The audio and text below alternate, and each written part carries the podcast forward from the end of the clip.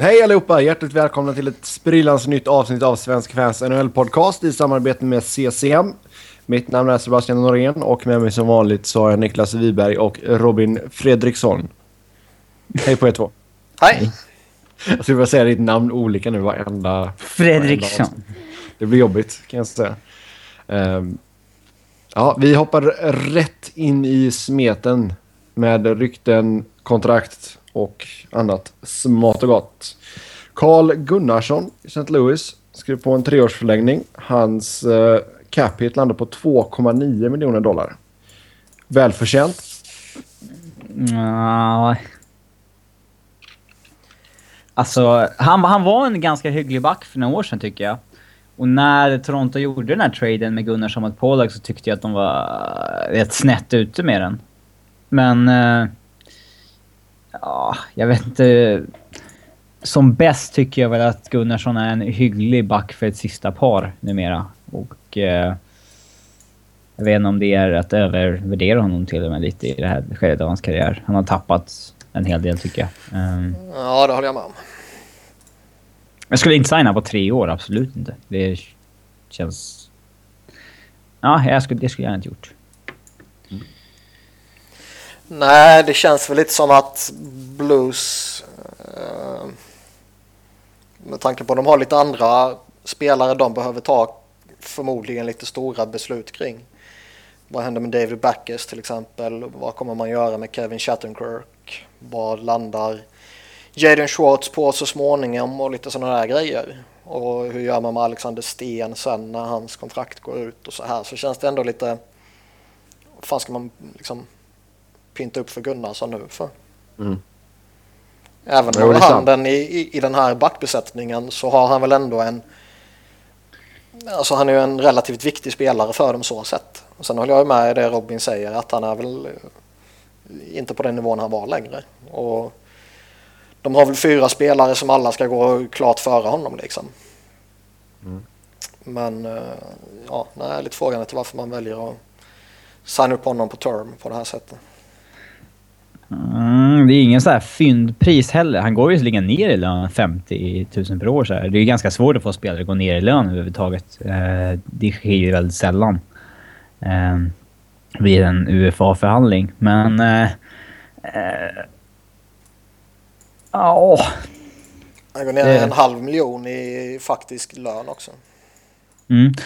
Eh, nu är ju dock... Alltså, allt under 3 miljoner antyder att man inte är en back för topp 4. Eh, så är det ju. Mm. Eh, så att priset för en okej femma är väl eh, någonstans där numera. Men... Men du ser honom mer som en svag sexa? ah, kanske inte svag sexa, men... eh, Men en sexa? Ja, kanske. Eh, Ja, nej, som Niklas sa där, alltså de har ju lite beslut att ta och sen kickar ju Lehteras nya kontrakt in nästa säsong också. Ja, han får ju en höjning på drygt två mille liksom. ja. Nej, men det är ju lite intressant situation i Blues. Vi har ju pratat om det tidigare. Alltså det, ska man committa till backless eller ska man släppa honom? Eh, förmodligen så kommer man väl inte och man bör väl inte heller göra någonting innan man vet vad som blir av med den här säsongen. Ja. Skulle de gå jättebra och de vet konferensfinal och sen torska Game 7 mot Chicago eller någonting, då är det ju ingen skandalsäsong direkt ju. Då, kan de då kanske de bygger vidare på det de har. Skulle de återigen åka i första rundan, eh, vilket inte alls är en omöjlighet i, i Western liksom, så ja, vem vet vad som händer då. Mm. Är sant. Vi får se vad som händer där helt enkelt. Eh, Pittsburgh skrev kontrakt, tvåvägskontrakt med en trio spelare. Brian Rust, Tom Kuhnhackle och Scott Wilson. Och alla fick strax över 600 000. Tre tämligen ointressanta spelare som uh, vars enda syfte är väl att de är billiga. Mm. Eh, Pens behöver ju billigare spelare i djupet med tanke på att de har några stora kontrakt där uppe liksom. Yes. Mm, och jag har lite skador som vi kommer till snart här. Viktor Svedberg i Chicago fick en tvåårsförlängning, 750 000. Eh, envägskontrakt. Ja, eh, alltså vad ska man säga, de har ju sin core satt för lång tid framöver och eh, är ju liksom de har ju hittat några sådana här spelare som går relativt billigt som har funkat OK liksom i eh, Van Riemsdijk och Gustafsson och Svedberg liksom. Så det är väl på inga sätt dåligt att signa upp en sån spelare på det här kontraktet. Nej, jag menar vi har ju gått över detta många gånger förut också. I Chicago är det ju ett par backar som drar det stora lasset och sen kan man bara fylla ut med dugliga spelare. Så, så det verkar ju funka i alla fall. Ja, de har de tre stora och sen så eh, inför varje trade deadline så plockar de in någon pending UFA, veteranback liksom. Mm. Och sen har de sina billiga som de försöker snurra på typ. Mm. Och det har ju visat sig De tog in the, the half. Mm. Så eh, ja, vi får se, vi får se hur det går där. Men Chicago, Chicago ja, vi får se, vi får se. Men grattis till Victor Svedberg i alla fall. Sen ryktas det, eller spekulationer om att Ottawa överväger att släppa Mike Hoffman, en annan Hoff. Mm. Den riktiga Hoff. Ja, den riktiga Hoff är ju David. Ja, men om man pratar NHL. Ja. Uh, ja, hur ser du på detta? Alltså, Hoffman var så ganska hypad ett tag. Alltså det är ju jättekonstigt. Uh, man verkar ju... Alltså Ottawa är ju konstiga. Murray verkar ju ha problem att liksom typ förhålla sig till skills och potential och talang och så här. Och visst, de sitter på en intern budget och liksom ägarens uh, ekonomiska situation är ju välkänd. Så de kan ju inte slänga ut vilka kontrakt som helst egentligen. Uh, och jag gissar väl rimligtvis att den situationen inte blev uh, liksom enklare efter att de tog in Fanöf till exempel. Där har de committat en del. Och de har committat en del i Bobby Ryan till exempel och även om Erik Karlsson är billig så är det ju alltså förhållandevis billigt för vad han bidrar med då. Så, eh, så är det ju pengar där och de har liksom pengar i Clark Morgator och så här. Så visst, man kan väl ha förståelse för att de inte är jätteintresserade och, och bara slänga ut ett kontrakt sådär. Men det är ändå en spelare som liksom produktionsmässigt om man pratar goals per 60 ligger på samma nivå som Tarasenko och Corey Perry de senaste två säsongerna. Liksom. Men det har alltid funnits en form av typ antydan att de inte att de är typ osäkra på Hoffman på något vis. Ja. Och det känns ganska underligt. Tycker jag. Mm. Uh, jag vet inte riktigt varför. Jag ser liksom ingen logik alls i det. Jag tycker att han har visat sig vara en fenomenal spelare sen han kom in i ligan. Liksom. Um, Nej, jag håller med. Ja, uh, kluring faktiskt. Sen är det väl då liksom Eh, förmodligen är de väl kanske då i en situation där de antingen tradar honom mot något som de tror blir billigare eller så committar de long term på honom. För det går lite snack då om att han hamnar i arbitration och så vidare så kommer ju eh, han rimligtvis belönas med ett väldigt bra kontrakt. Eh, med tanke på produktionen han har haft de senaste två säsongerna och så här liksom. Och är man då inte intresserad av att pröjsa det så ja, det är klart man ska trada. Men det är ju jättekonstigt. Mm. Ja, sen eh, vidare till Chewbacca. Brent Burns. Monstersäsong i San Jose och eh, bör väl vara involverad i snacket om Norris Trophy. Han... Eh, jäkla bra säsong får man ändå säga. Kan pojken tänkte jag säga. Kan eh, Wolfman nå 30 mål? Ja, det är klart han kan det. Han är on pace för det nu. Så det skulle väl inte på något sätt vara chockerande om han lyckas med det. Nej. Uh, Ni säger att han sitter på 26 baljor just nu. Ja, och skulle han nå 30 pyts så är han ju liksom den första spelaren, eller den andra spelaren rättare sagt i modern tid att göra det. Mike Green gjorde 31 08 09. Annars är det liksom uh, spelare på ja, du vet, 60, 70, 80-talet som har gjort det. Mm. Eh, Vi har Bobby Orr där uppe, vi har Paul Coffey där, vi har Dennis Potvin, liksom, vi har Phil Housley, vi har Ray Bork. Eh, och sen en Doug Wilson och lite Kevin Hatcher och lite sånt här. Alltså det är ju en ganska bra bit. Alltså han leder då backarnas eh, målliga 26 baljor. Sen tvåa är Oliver Ekman Larsson med 19. Så jag menar, så tar han 30 pyts, det är ju en bra milstolpe liksom. Det är ju jävligt hedersamt sällskap han hamnar i då. Men väger det högre än Erik Karlsson som är över point per game just nu? Eller strax över? Ja... Jag vet inte riktigt. Mål eller assist, så där vad som är viktigast. Det är en evig debatt, men... eh, Kan jag, kan jag även säga att eh, Burns har ju 100% i face-off eh, win, win percentage. Så det väger ju väldigt högt. Ingen fanuft är inte. Nej. Nej, men det är alltid svårt att jämföra liksom eh, vad som är bäst av en back som gör jättemånga mål eller Karlsson som ändå är på väg att göra en liksom en säsong som på samma sätt som Burns här om han skulle passera 30 mål är väl liksom vad man har läst lite här och där Historiskt. nästan historiskt bra. Ja. Eh, ja, och sen så det här är ju ingen större antydan till att den ena är en bättre... Alltså... Hade Erik Karlsson haft... Alltså det hade lika gärna kunnat varit han som varit nära 30 mål och Burn som hade ett gäng assist. Det är,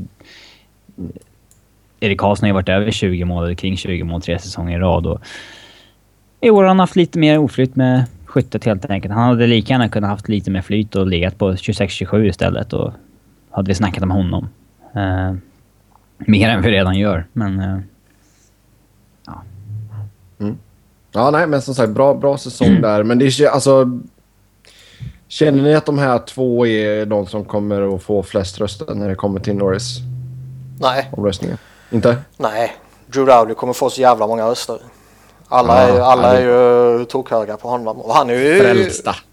Ja, och han är ju jättebra. Jag menar ju inte att, att kritisera Ja, honom kanske- på något sätt. Han är väl världens tredje bästa back i mitt tycke liksom. Så det är klart han förtjänar röster. Det är inte det jag menar. Eh, men både han och PK Subban bör ju få en, en hel del röster. Mm, Doughty är lite mer allround kanske. Ja, och folk kommer ju alltid det här alltså snacket att ja, Erik Karlsson är inte lika bra defensivt som Drew Dowdy är. Liksom. Den, den väger man ju fram och tillbaka hela tiden tycker jag på när man surfar runt och läser och så här. Mm. Sen är det ju alltid han är kanadik. Mm. Folk kommer alltid värdesätta det också när de röstar. Mm. Både han och Burns. Men jag, tror Dowdy är en större favorit än Burns. Sen in på några skador här då. Niklas Kronvall blir borta några veckor på grund av knäskada. Eh, ja. Ja, alltså för några år sedan så skulle det här varit förödande för Detroit.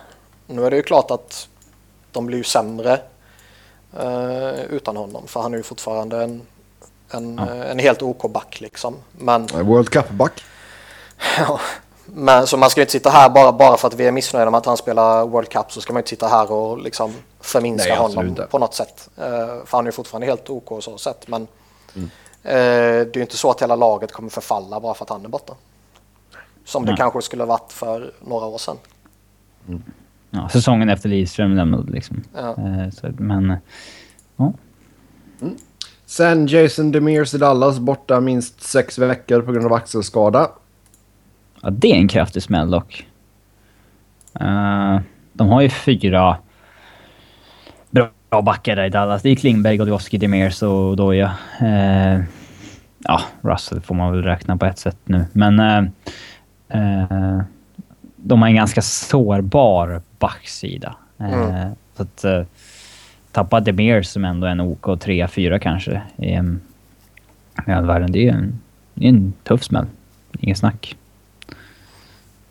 Nej, den är jobbig. Framförallt nu när de tampas om... Alltså det förmodligen kommer det bli rätt viktigt att knipa första platsen i Central.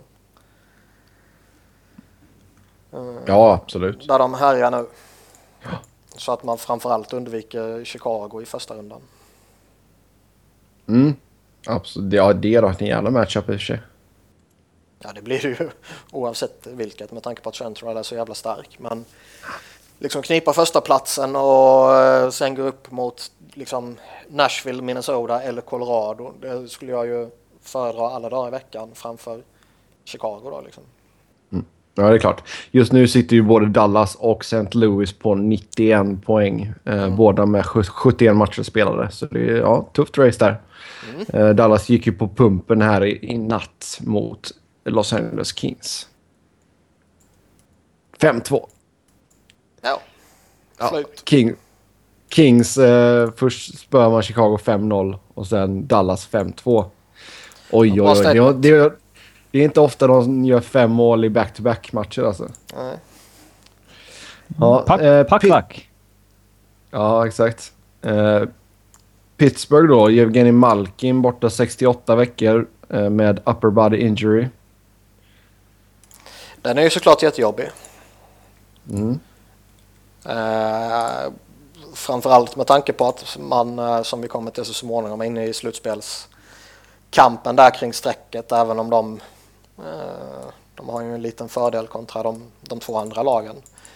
Men eh, liksom gå in i slutskedet på säsongen här utan Malkin. Det, alltså an, andra lagen när du går upp mot Pittsburgh och du vet att du kommer gå upp mot Crosby och Malkin och liksom vem fan ska du försöka fokusera på av de två?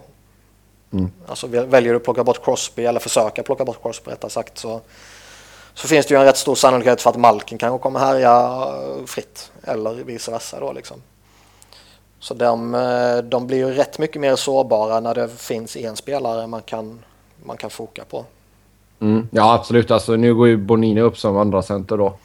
Ja, han är ju Eh. helt OK så liksom, men han är ju skräp jämfört med Malkin. Mm.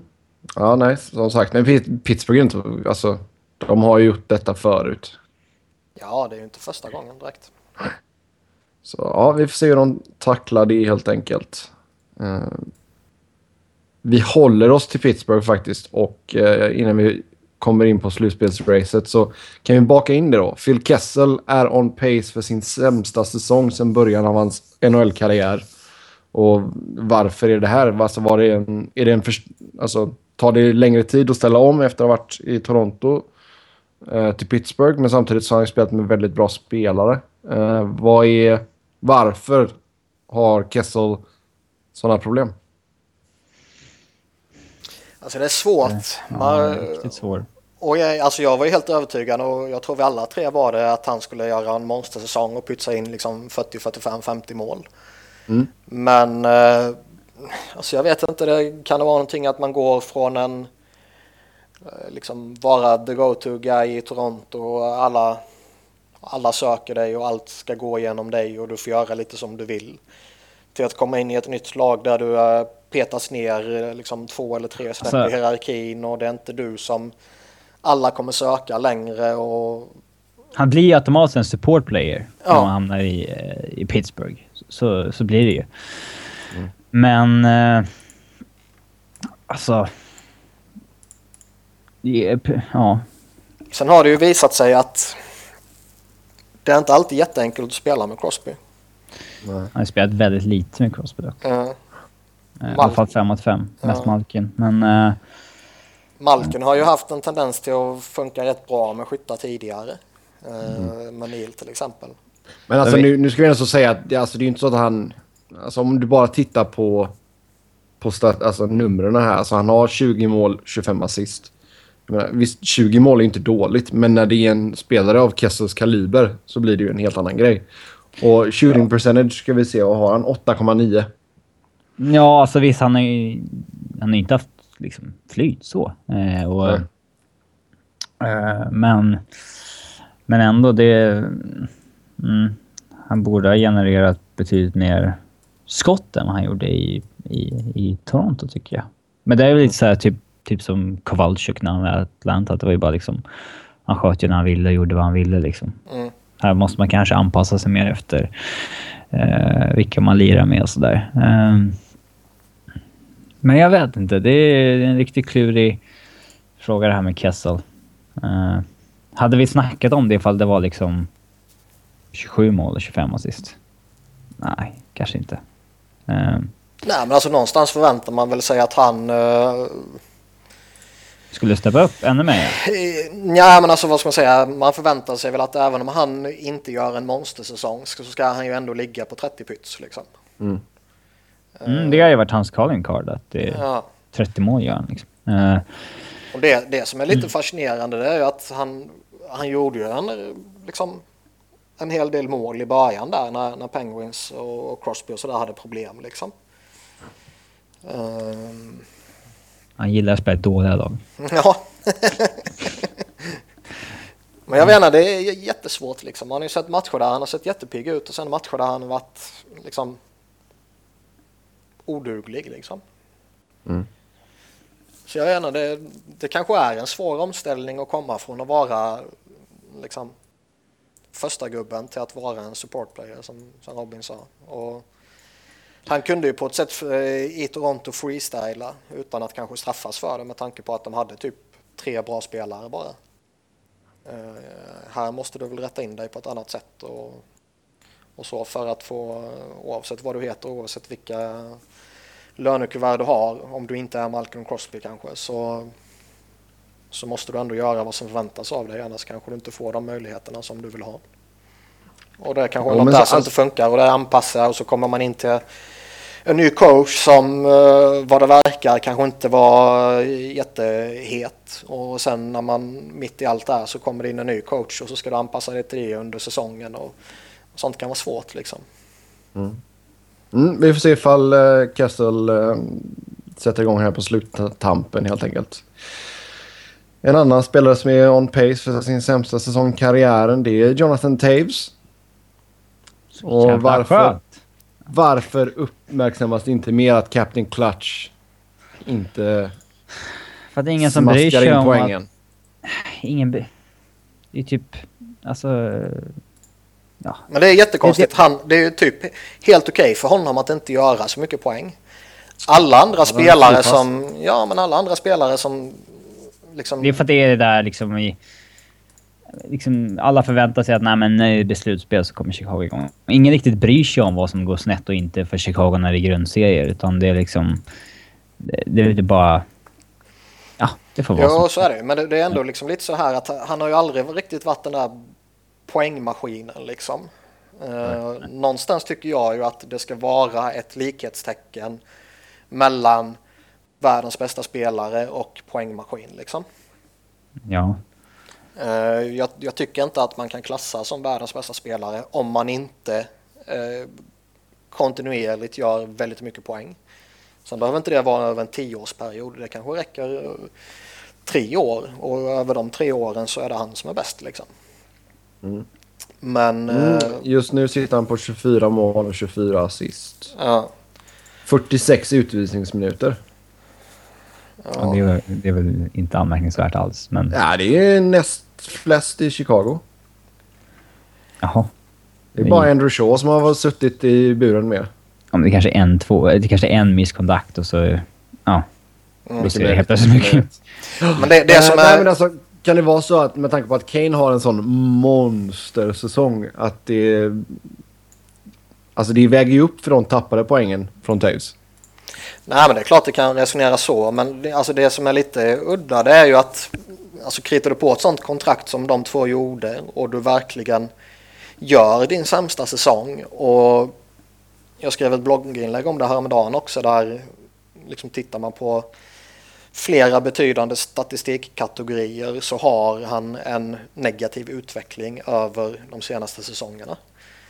Och att det inte är ännu mer snack om den utvecklingen nu när han går in på det här monsterkontraktet. Liksom. Det tycker jag är jättefascinerande. Det är ingen som vågar. Nej, men liksom även, alltså, jag menar inte på något sätt att han är dålig. Han är fortfarande en väldigt duktig center och sådär. Ja. Men eh, liksom med tanke på vad han har gjort och eh, att han spelar i det här laget och det här laget alltid kommer vara en contenders och så vidare så slipper han ju undan från alltså, jättemycket eh, befogad kritik liksom.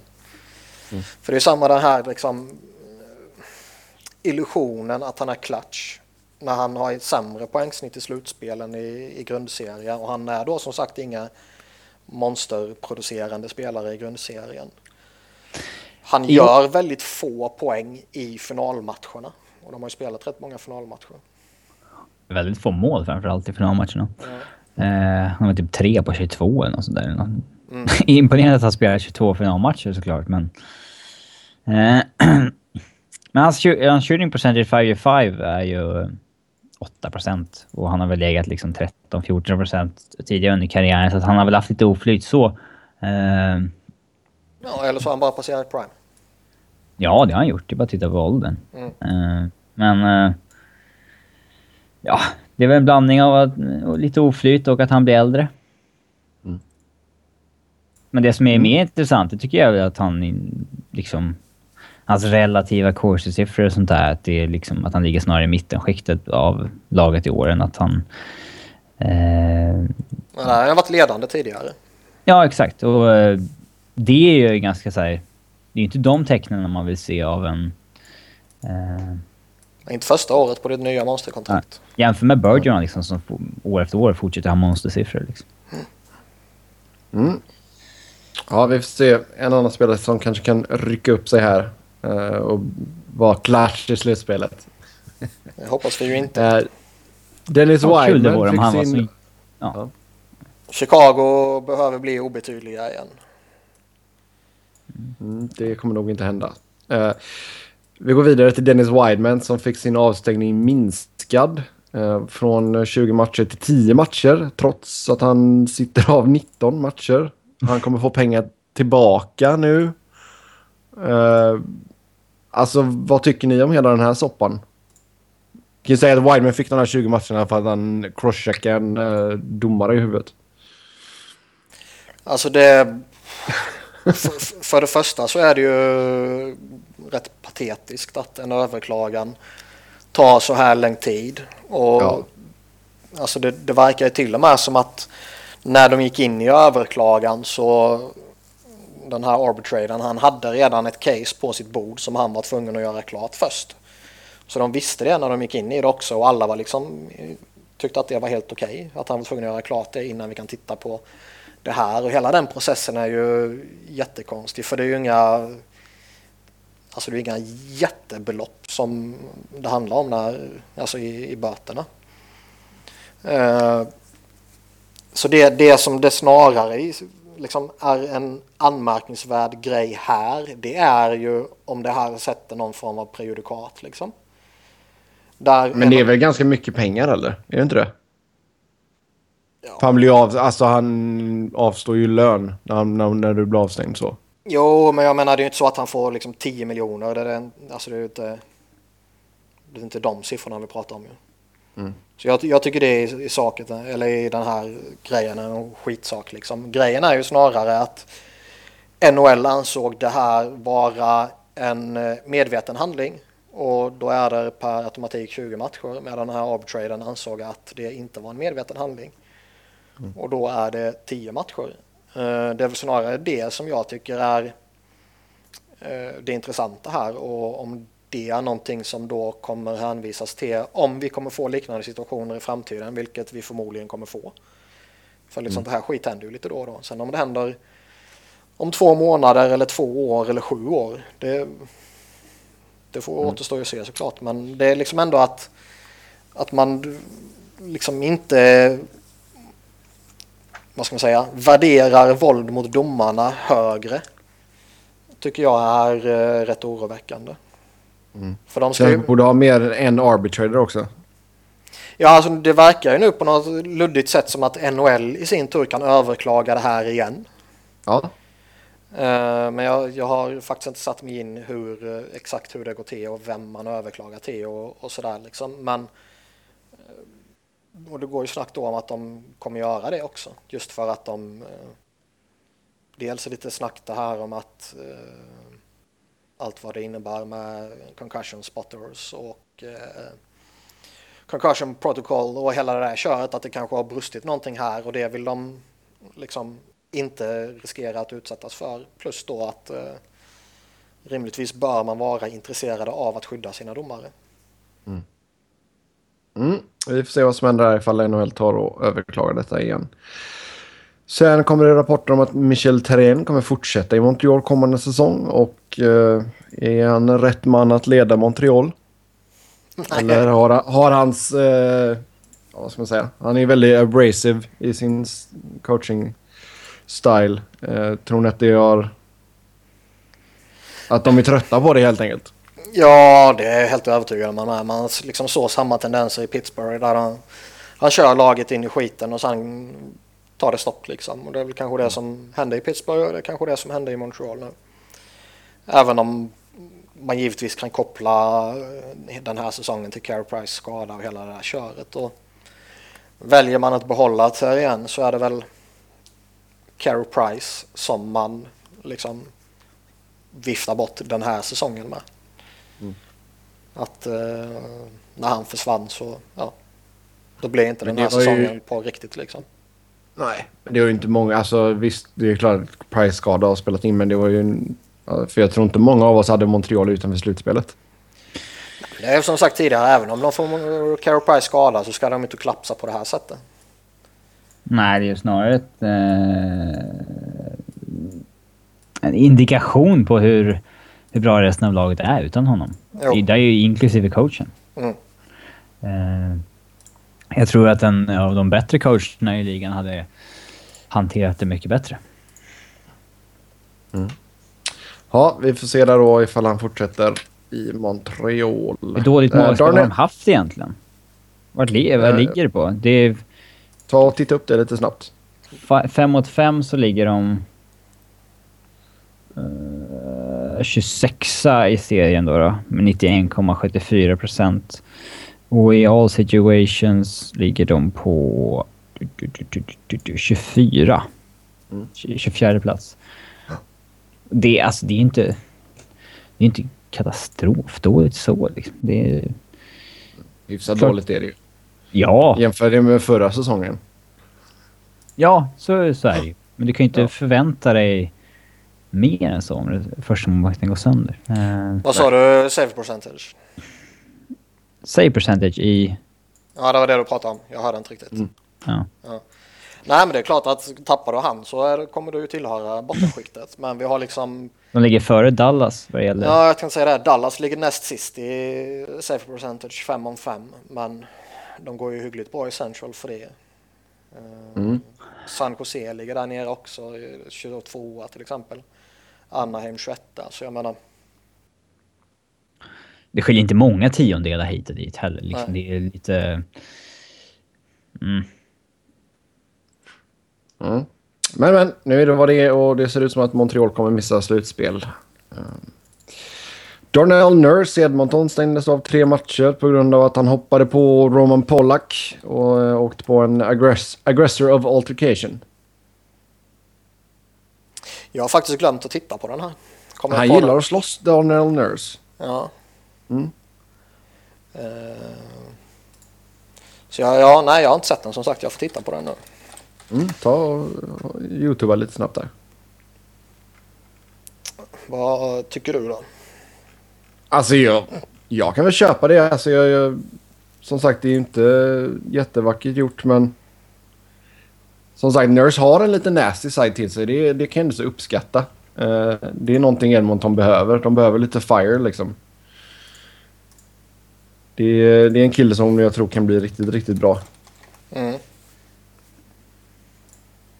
Såvida man inte... För jag menar, det är ju ingen eh, Justin Schultz direkt. Ty, tycker du inte om honom? helt, helt annan... Helt annan typ av back. Ehm. Ja. Alltså någonstans så eh, gillar man inte eh, slagsmål och grejer och sånt här så är väl det här eh, rimliga grejer. Mm. Eh, Gillar man slagsmål så... ja, gillar man slagsmål så vill man kanske inte att en sån här grej ska ge tre matcher. Och, Många tyckte väl inte att det var en särskilt fair grej för att han hoppade väl på Polak lite så här o, oförberett Ja, och började... ja, ja, absolut. Eh. Alltså det, är- han flyger på honom och små... Alltså, ja, alltså, här kan man ju säga att det var ju en väldigt ensidig fight. mm, Det är ju verkligen Han, Nurse som han hinner ju få in en... på Polak. Han, hin, han hinner ju få en dödlig, en dödlig smäll innan Polak har eh, Fattat vad som hände. Ja, och det är inte riktigt fair så. Nej. Eh, Men det är väl kanske inte det man bryr sig om när det är en hämndaktion. Men det är väl liksom överlag snack om så här, om hämndaktioner verkligen är 2016 års NHL. Eh, eh, Eller om det liksom ska fasas ut på något vis. Nej men alltså sen, alltså Nurse var ju... Han var ju bara fly förbannad helt enkelt. Jag menar liksom, de ligger under 3-0 med mindre än två minuter att gå. Ja, men det gör det lite töntigare liksom. Att de... ja. Att det... För att de liksom ligger under och så här. Ja, men det påverkar ju också i bedömningen här. Det gör det. Så ja, tre matcher för honom i alla fall. Sen Gabriel Landeskog.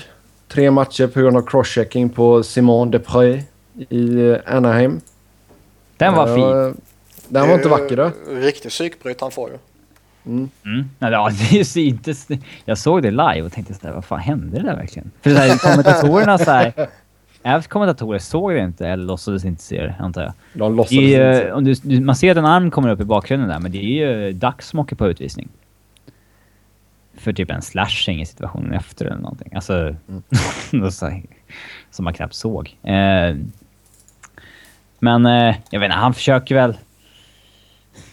Jag tror inte han siktar i liksom eh, huvudet på honom, men... Eh, eh, ja, han träffar ju huvudet så då ser det ju inte så snyggt ut på video efteråt.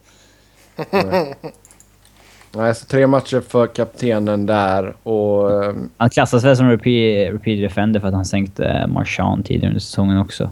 Eh, Ja. Med en tackling mot huvudet. Så att... Eh, Mm. eh, ja. Men jag, jag, jag, tror att det hjälper Landeskog i framtida fall att han går ut och är så ångerfull som han har varit. Och säger att han, att han skäms när han ser reprisbilden och att det där inte hör hemma i ligan och så vidare. Att, Nej. eh, det är inte som Mm. när Marchand och såna här intervjuer har sagt efteråt att, liksom, att de inte fattar varför de blir avstängda eller när de har proppat någon mitt i skallen. Liksom. Eh, sånt på...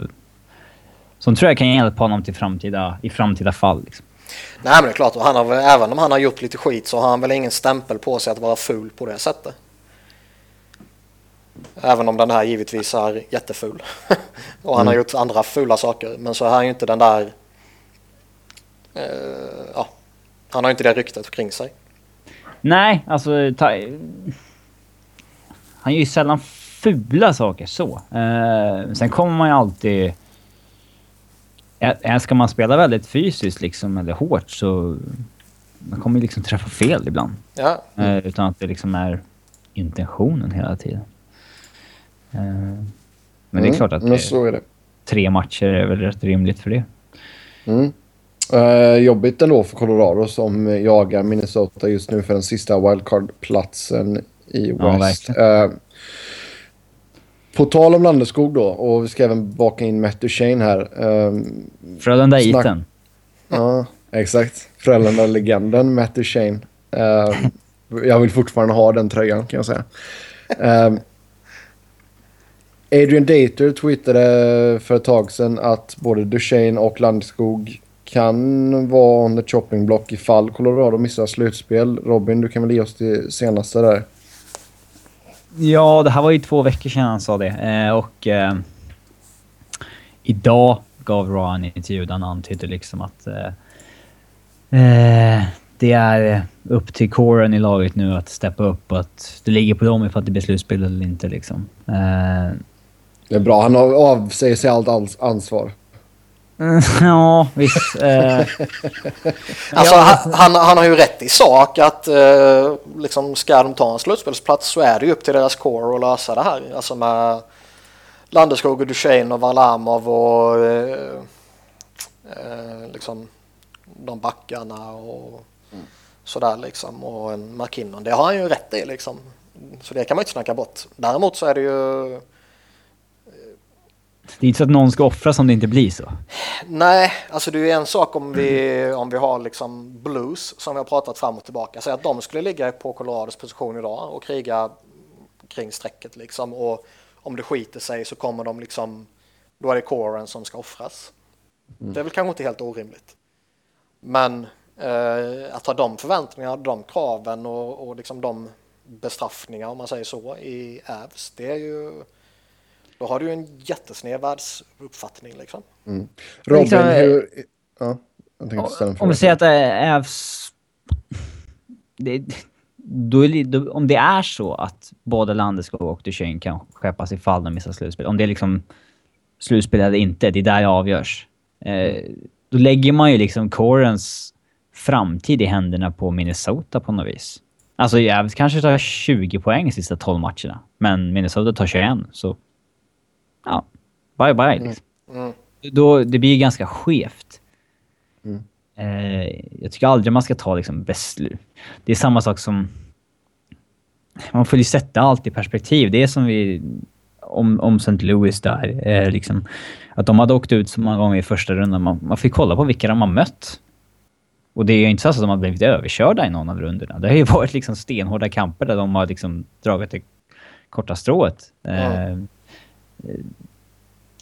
det, så- det, är- ja.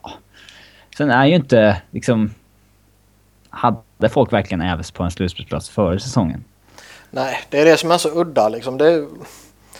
Okej, om du har gått i du vet, sju raka slutspel och du är en contender och du börjar få lite negativa tendenser och så bommar du slutspel och så känner man att nej, vi behöver liksom skaka om det här. Jag kanske inte tycker att... laget igen Ja, jag kanske inte tycker att det nödvändigtvis är rätt steg att ta liksom, men det är ett resonemang som jag kan förstå.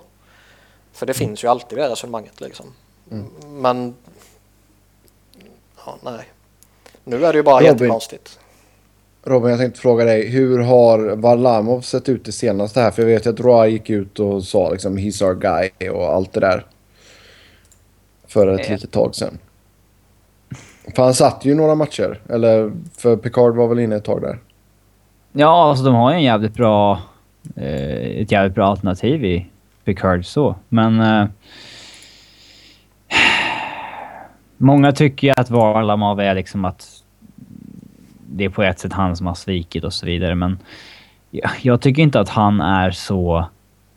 Eh, vad ska man säga? Han har inte liksom visat sig hålla så hög nivå att man kan liksom börja kräva att han ska vara topp fem i serien år efter år som med Price och Lundqvist liksom. Eh, att han, han tillhör väl liksom...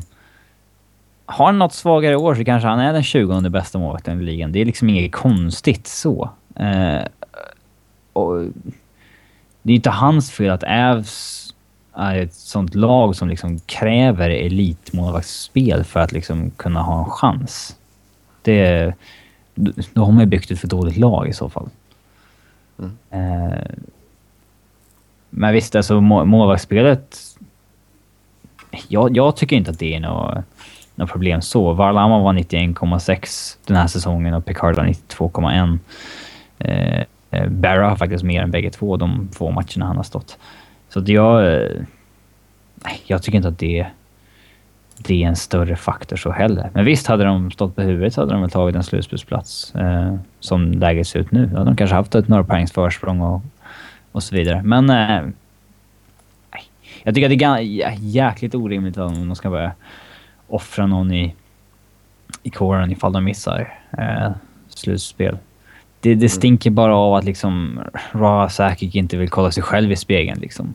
Att de liksom säger nej, det är, det är core som är, det är fel på liksom. Måste ändra om den. Ja. Yes. Vi får se vad som händer där med Colorado. Vi ska snacka mer om slutspelsracet alldeles strax. Ehm, först så... ehm, ja. Matcher som har varit eh, under veckan. Vad har vi gillat? Vad har vi sett? Och eh, vad har vi att se fram emot? Alltså det har ju varit några ro- roliga tungviktsmöten. Chicago har ju mött typ alla andra storlag i, i Western, i Blues och Dallas och Kings som, eh, som du var inne på tidigare. Och alla de matcherna är ju alltid skitroliga. Framförallt Kings mot Hawks. Ja, det var en... Alltså 5-0 speglar ju inte riktigt matchbilden där. Nej, nej, Ehm, Hawks hade några sjuka chanser. Ja, de hade ju två stolpträffar i första perioden tror jag det var. Ehm, men bra resultat där för Kings. Alltså ta först 5-0 mot Chicago och sen 5-2 mot Dallas. De har också spelat bra. Så, eh, det, det har väl varit veckans höjdpunkt för mig så att säga. Sen... ehm, vad har ni tittat på? Jag antar ju att Niklas har kollat mycket Philadelphia. Jo, det är klart. De är ju i bra slagläge nu liksom. Mm. Nu, nu ser det ut att avslutningen här kunna bli skitrolig. Eh, man hade ju några nyckelmatcher här där det kändes som att man behövde göra väldigt bra ifrån sig i ja, två gånger Tampa Bay och Florida och sen mot Detroit nu i natt. Och där plockar man ju sju av åtta poäng så det var ju eh, bättre än förväntat till och med. Eh, framförallt så var ju två poäng mot Detroit och, eller rättare sagt att Detroit inte fick någon poäng var ju superviktigt. Och man har ju verkligen allt i egna händer nu. Eh, du är en poäng bakom Detroit och eh, två matcher till godo. Mm. De spelar mot Philadelphia, spelar mot Chicago i natt. Natten till torsdag. Den, det, är- det blir bra. Den ska jag se på faktiskt kan jag säga. Ja. Det är ju Rivalry Night här på Ja, NBC? Sports Network. Sen Kan har man man, man, man har ju liksom eh, känning på Pittsburgh också. Visst, de är eh, fyra poäng före, men Flyers är en match till godo. Plus att man ska möta dem tre gånger också. Ja, du ska få prata mer om det alldeles strax. Alldeles, alldeles strax. Sen om vi tittar framåt lite mer torsdag. Rangers mot Kings. Så där ja. Den kan bli någonting. Ja, den är ju tämligen ointressant. Det har ju varit roligare matcher den här veckan ju. Ja, men den kan alltid bli. Det är alltid kul. Östkust mot västkusten. Och allt sånt där. Äh, Ragdolls Det är ju så de kommer spela upp det. Ja, men Det Ra- Ra- ja, Rangers är ju inte roliga längre. Sen vad har vi mer att titta fram emot? Fullspäckat på lördag, herregud. Det är Ja. Flyers Penguins då ju. Mm, det är den tidiga matchen där ja. Så Ja. då kan man... Det är bra, kan man gå upp tidigt och börja titta. Buffalo-Toronto. Den känns ju tämligen ointressant. Ja. För, för att vara så många matcher på lördag så är det inte jättemånga som är jättesexiga direkt. Boston, LA kanske. Där är jag ju partisk men... Ehm, ja. Mm, vi får se och sen eh, kanadensisk möte på söndag mellan Calgary och Montreal. Det känns som att det är Flyers Penguins som kommer attrahera mest den här helgen. Mm, mycket möjligt, mycket möjligt. Ha, då kliver vi in och tittar på slutspelsracet. Vi börjar i öst. Där just nu eh, i Eastern, Washington, de är klara. Första lag som knep en slutspelsplats här. 105 poäng på 69 matcher. Det är Alltså- bra gjort. Ja, de har jättebra. Jag tycker bara det är så. Alltså de har ju. Vet de leder så överlägset som de gör. Och sen när de clinchar matematiskt så blir det en stor grej av det. Varför? Varenda människa har ju fattat att de säkrar slutspelsplats för länge sedan liksom. Men nu matematiskt är de första lag in i slutspelet. Som sagt, de toppar ju Metropolitan på 105 poäng. Eh, Islanders ligger tvåa, 85 poäng. Rangers ligger trea, också 85 poäng. I Atlantic så leder Florida fortfarande, 86 pinnar. Före Boston, 87. nej 80, 87, förlåt mig. Boston 86. Eh, en match mer spelad än Florida också. Och sen Tampa Bay ligger trea. Sen på wildcard-platserna då, där hittar vi Pittsburgh 82 poäng och sen Detroit 79 poäng. Och sen strax utanför så hittar vi Philadelphia på 78. Och sen fortsätter vi ner här, kan väl ta några placeringar till. Så Carolina 75 poäng, Ottawa 74 och New Jersey 73. Jag tror att de där tre sista lagen kan man nog skriva av. Jag tror inte Keynes, eh, Sens eller Devils kommer hänga på liksom. Utan det är ju, det kommer ju stå mellan Pittsburgh, Detroit och Philadelphia om de två platserna. Jag har svårt att se att något annat lag ska dras in där. Eh, jag tror liksom Florida kommer inte kollapsa på det sättet, tror jag inte. Boston och Tampa kommer ju plöja vidare. Islanders, även om de kanske kan vackla lite så tror jag inte de kommer falla på det sättet heller. Och Rangers gör det ju inte heller. Men någonting borde ju liksom... Det är ändå så pass många matcher kvar att något lag kan ju torska fem raka eller vinna fem raka och ändra om racet på något sätt. Ja, det är klart. Ottawa kan vinna fem raka. Carolina kanske kan vinna fem raka. Eh, Rangers eller Islanders kanske kan torska fem raka. Eh, Ja, det är klart man inte kan avskriva det, men jag tror, in, jag tror liksom att de lagen som ligger på slutspelsplatsen nu plus Philadelphia, det, det är de lagen som kommer vara med in i slutet. Keynes ser jag väl, ja, de är väl inte tillräckligt starka. Ottawa med lite skadeproblem med Turris och så här. Jag tror inte de kommer klara av det. Och, ja, Devils är väl, de har haft sitt roliga liksom. Mm. Eh, och det, det roliga som sagt det är ju som jag var inne på där just Pittsburgh, Detroit, Philadelphia att de möter varandra internt och eh, liksom Flyers har ju allt i egna händer så länge man håller sig håller jämna steg med de två andra lagen i övrigt så kommer ju de här interna matcherna kunna avgöra slutspelsracet. Mm. Så det skoj Ja, det att knipa blir- en slutspelsplats. Mm, som sagt, eh, två matcher i, till godo på Detroit har Philadelphia just nu och en poäng bakom. Och du Man- sa att de hade tre matcher kvar mot Pittsburgh. Mm. Oj.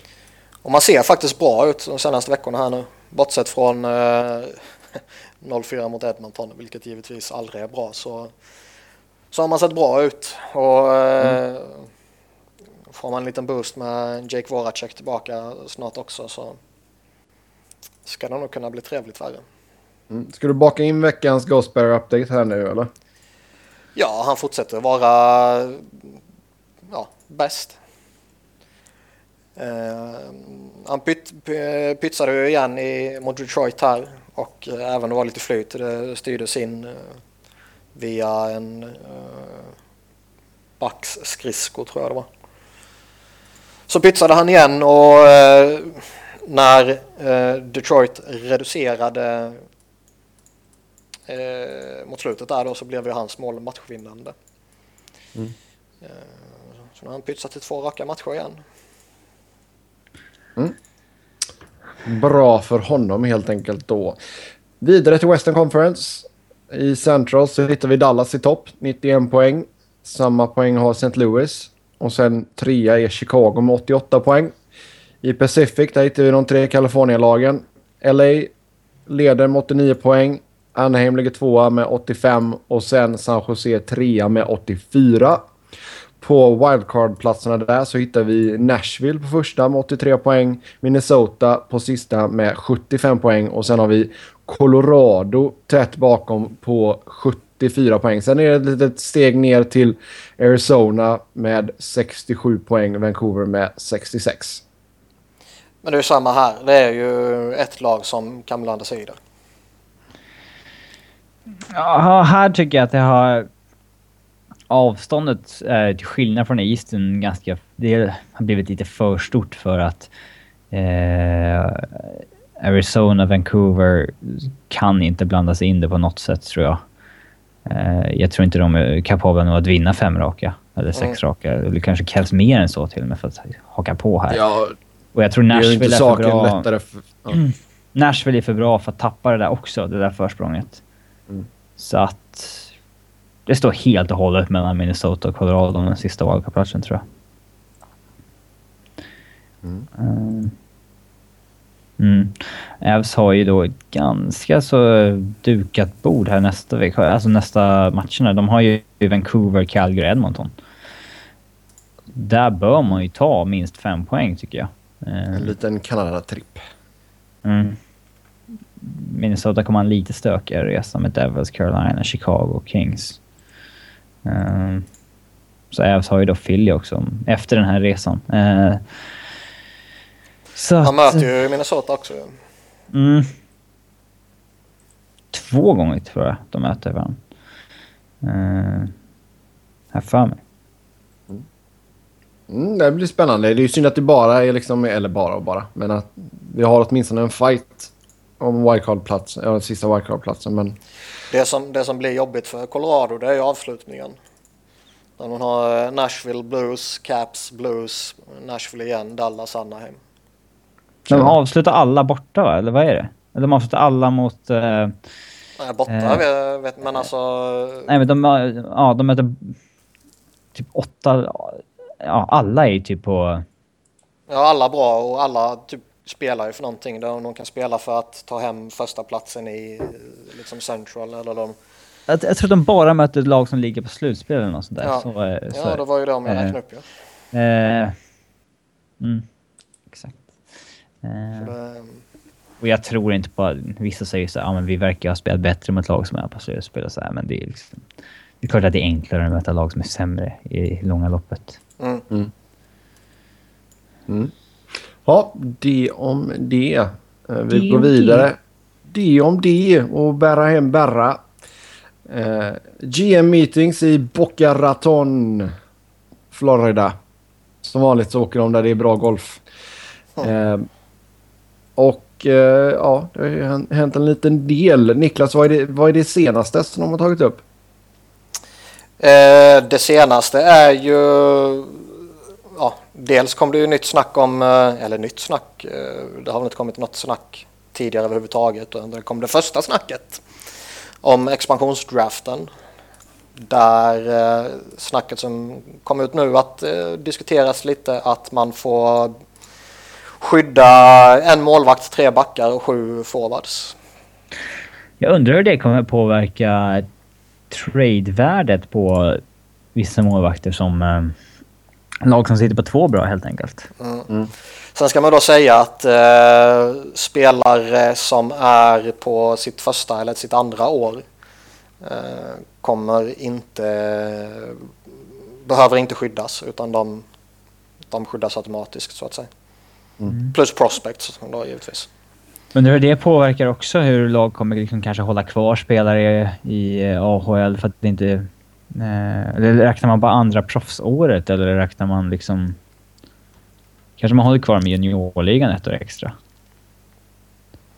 Eh, ja, jag vet faktiskt inte hur eh, detaljerat det är så. Bara det att det är... Men en det målvakt som står bara Calvin first and second year NHL, NHL players. en målvakt som Calvin Picard skulle ju inte kunna skyddas av Avs då. Mm. Eh, och liksom hur påverkar det hans trade value fram till den expansionsdraften då liksom? Det är ju intressant. Mm. Sen har man diskuterat om att kanske hitta ett sätt att förhindra att samma lag får första valet. Eh, kan kalla det här för Edmonton-regeln. Ja. Eh, Det är Oiler rule. ja. Eh, Det, det, det hade vi ju, vi var ju tvungna att kalla det för det ifall de implementerar detta. vi har ju pratat om det länge, att man borde kanske hitta på något sånt så att... Eh, sen vad för system, att man gör att man inte kan få samma inom tre år eller att man inte ska... Vad liksom... Eller har man tagit... Alltså visst, jag kan väl köpa att du kanske kan få första valet två år i rad, men sen får det ju räcka typ. Mm, men hur långt... Liksom, ja, exakt vad för regler det ska vara och sånt där. Det är, eller om man inte ska kunna få... Om man har tagit i topp tre två år. Eh, om man inte ska kunna få topp tre igen tredje Ja. året. Så där, det är... Eh, det, är... Alltså det är klart att det är mycket att klura ut såklart, men jag, jag kan gilla idén ändå att, att, du, att ett lag inte kan få första valet mer än två år i rad. Ja, verkligen. Ja, överlag så är så är draftsystemet är ju väldigt eh, flawed på det sättet överlag. Att det, de, som är då, de som är dåliga på riktigt, riktigt usla, de blir ju som mest belönade. Mm. Och det är ju eh, liksom fel. Fel. Mm, men så är det när man har en kommunistliga. Oj. Sen kommer det lite snack också om lönetaket. Att eh, antingen ligger det kvar på eh, samma nivå eller så kommer det öka till 74. Det är Mm, de förväntningarna. Det var inte jättemycket ökning det i så fall. Nej, men det blir några miljoner och det är ju en eh, OK-spelare liksom. Det är ändå något att röra sig på. Eh, Och det är ju då under förutsättning att spelarna röstar igenom det, vilket de har gjort. Och Ja, jag ser väl inte att de inte kommer göra det nu heller. Mm. Sen eh, ska vi se vad det står här mer. Powerplay, alltså man ska fortsätta spela även om det blir mål. Så fortsätter man att spela powerplay. Mm. Det Alltså- där är ju inte, det där är inte så konstigt att den kommer upp, för så har det ju varit förut och att det... Sean Ah. Bellevue som gjorde hattrick på typ eh, mindre än en minut så tyckte de att nej, så kan vi inte ha det. Eh, men den är väl inte så konstigt att den liksom kommer upp på tal igen när det helt plötsligt görs mindre mål i ligan än vad man vill ha. Eh, Ja. Men det skulle förvåna mig väldigt om de liksom gick igenom med den. Men Alltså det är, Ja, man det är ska bra att de nämner en massa alternativ och diskuterar det och kommer de fram ja, till man att... ska inte så här Det ska ju inte vara ett möte där folk är rädda för att öppna munnen liksom. Utan man ska ju liksom slänga ut tusen idéer. Bara allt man kommer på. Så kanske man hittar två intressanta. Eh, och då är det klart att många väldigt dåliga idéer, men där kanske finns någonting man kan ta ur, eh, kommer läcka ut. Och det är väl kanske inte... ja, man kanske inte ska ta allt som kommer liksom som en idé som är färdig att klubbas igenom. Liksom. Ja, nej. Exakt. Nej, nej, alltså det är ju som sagt bara diskussioner. Och sen skulle man kanske även kunna tänka sig att eh, i penalty killing att man inte kan slå icing utan åtgärd. Vad för åtgärd, tänker jag då? Nej, jag tänkte att det blir icing ifall du skickar den till icing liksom. Ja. Ja. Alltså det, det är ju rätt. På ett sätt är det ju som det är nu är ju väldigt ologiskt att du tillåts bryta reglerna när du har brutit mot reglerna. Mm. På ett sätt är det Ja. väldigt orimligt givetvis. På ett sätt så skulle det ju bli fruktansvärt svårt att lira PK utan att få Herregud. skicka iväg puckfan bara liksom. Många PK-backar skulle helt plötsligt inte vara så bra PK-backar längre. Alla måste bli jäkligt bra när, när du flippar upp pucken i luften ganska högt. Ja, Liksom. man får inte flippa upp den i publiken och man får inte slå icing. Är att fippa Nej. upp den i båset ju så är det chill. Får du en ny teckning bara. Ja. Många, många gillar ju inte delay of game för att man... Alltså packa out så att säga. Men... Eh, fan, det, det var inte kul heller när backar bara lobbade upp dem på läktaren och var trötta. Nej. Packa, out är en helt okej regel. Sen eh, snacka om att man ska begränsa tiden som en eh, spelare får vara i trapezoiden. Eh, för att hindra tidsslöseri när man byter kedjor. Ja, ta burskydd helt enkelt liksom. Ja. Eh, är det här verkligen ett problem? Jag har aldrig upplevt det som ett problem. Nej, liksom. det är väl bara att sätta press i så fall om du vill ha, Ja, att de liksom- inte ska stå där. Nej, och hur många gånger under en match sker det verkligen att en spelare ställer sig eh, där och väntar och det går liksom anmärkningsvärt lång tid? De gångerna är ju extremt lätträknade. Jag tror att det sker mindre i NHL också än vad det gör i Sverige med större rink. Ja. Nej, alltså, jag ser inte det som något, något problem. Eh, sådär. Men liksom, Nej. jag har inga problem med att man lyfter en sån fråga och diskuterar. Nej, Ja, nej, diskutera nej, igenom nej, det, Man liksom. ska ju lyfta Eh, allt och diskutera. Men alltså vad är grejen där också? Då ska du åka på utvisning. Bara, nej, du stod mer än tre sekunder. Upp, upp, upp, upp. Ja, men något sånt det är bättre att hitta på någonting då. Eller att man får eh, teckna i egen zon bara. Boom. Ja. Ja. Men eh, liksom att förhindra, jag tycker, jag tycker det är konstigt och det är bättre att på något sätt eh, att begränsa målvakternas liksom rörelseområde om man säger så, ännu mer än vad de redan har gjort. Ja. Tänk om målvakterna inte fick lämna målgården. Gud vad tråkigt. så här, eh, folk skickar upp så här lösa puckar i anfallszon som de Ja, inte får ja, gå visst. ut på. Och den stannar så här fyra meter från mål. Kommer de få det full fart med slagskott. De får bara stå där. Det, det skulle vara lite udda i för sig, men att man inte får gå bakom typ förlängda mållinjer och sånt där, det, det är ju också något jag skulle kunna tänka mig att kan vara värt att diskutera. Jag säger inte att jag vill se det, men lyfta det och liksom är folk intresserade av att få till den förändringen liksom. Ja, För på tal de gör, ju många, de gör ju en del inter, interference liksom så. Mm. När eh, de skyddar en back som går runt målet liksom. Så åker de ut några meter och Ja. ställer sig i vägen när en forward. Eh, om man kunde bli av med dem vore det kanske en bra idé. På tal om målvakterna så är det ju återigen snack om att man ska minska målvaktsutrustningen. Ja, de ska få streamlined uh, jerseys och så grejer liksom. Mm. Nej, jag, såg alltså, jag tyckte jag såg... Ja. Ja, så Henke Lundqvist, jag kommer inte ihåg vilken match det var. Om det var mot Detroit. Jag minns inte, det var någon Rangers-match jag såg, eller var det mot Islanders kanske. Men eh, när det går ett skott och hans jättestora tröja så tar ju pucken du vet, i, i fladdret på armen typ. Ja. Och styrs eh, utanför tack vare det. Och då kommer ju det här snacket upp igen då, liksom att det behöver vara tajtare kläder. Eh, Corey Hirsch gjorde ju ett litet inslag på, jag tror det var på Sports Network.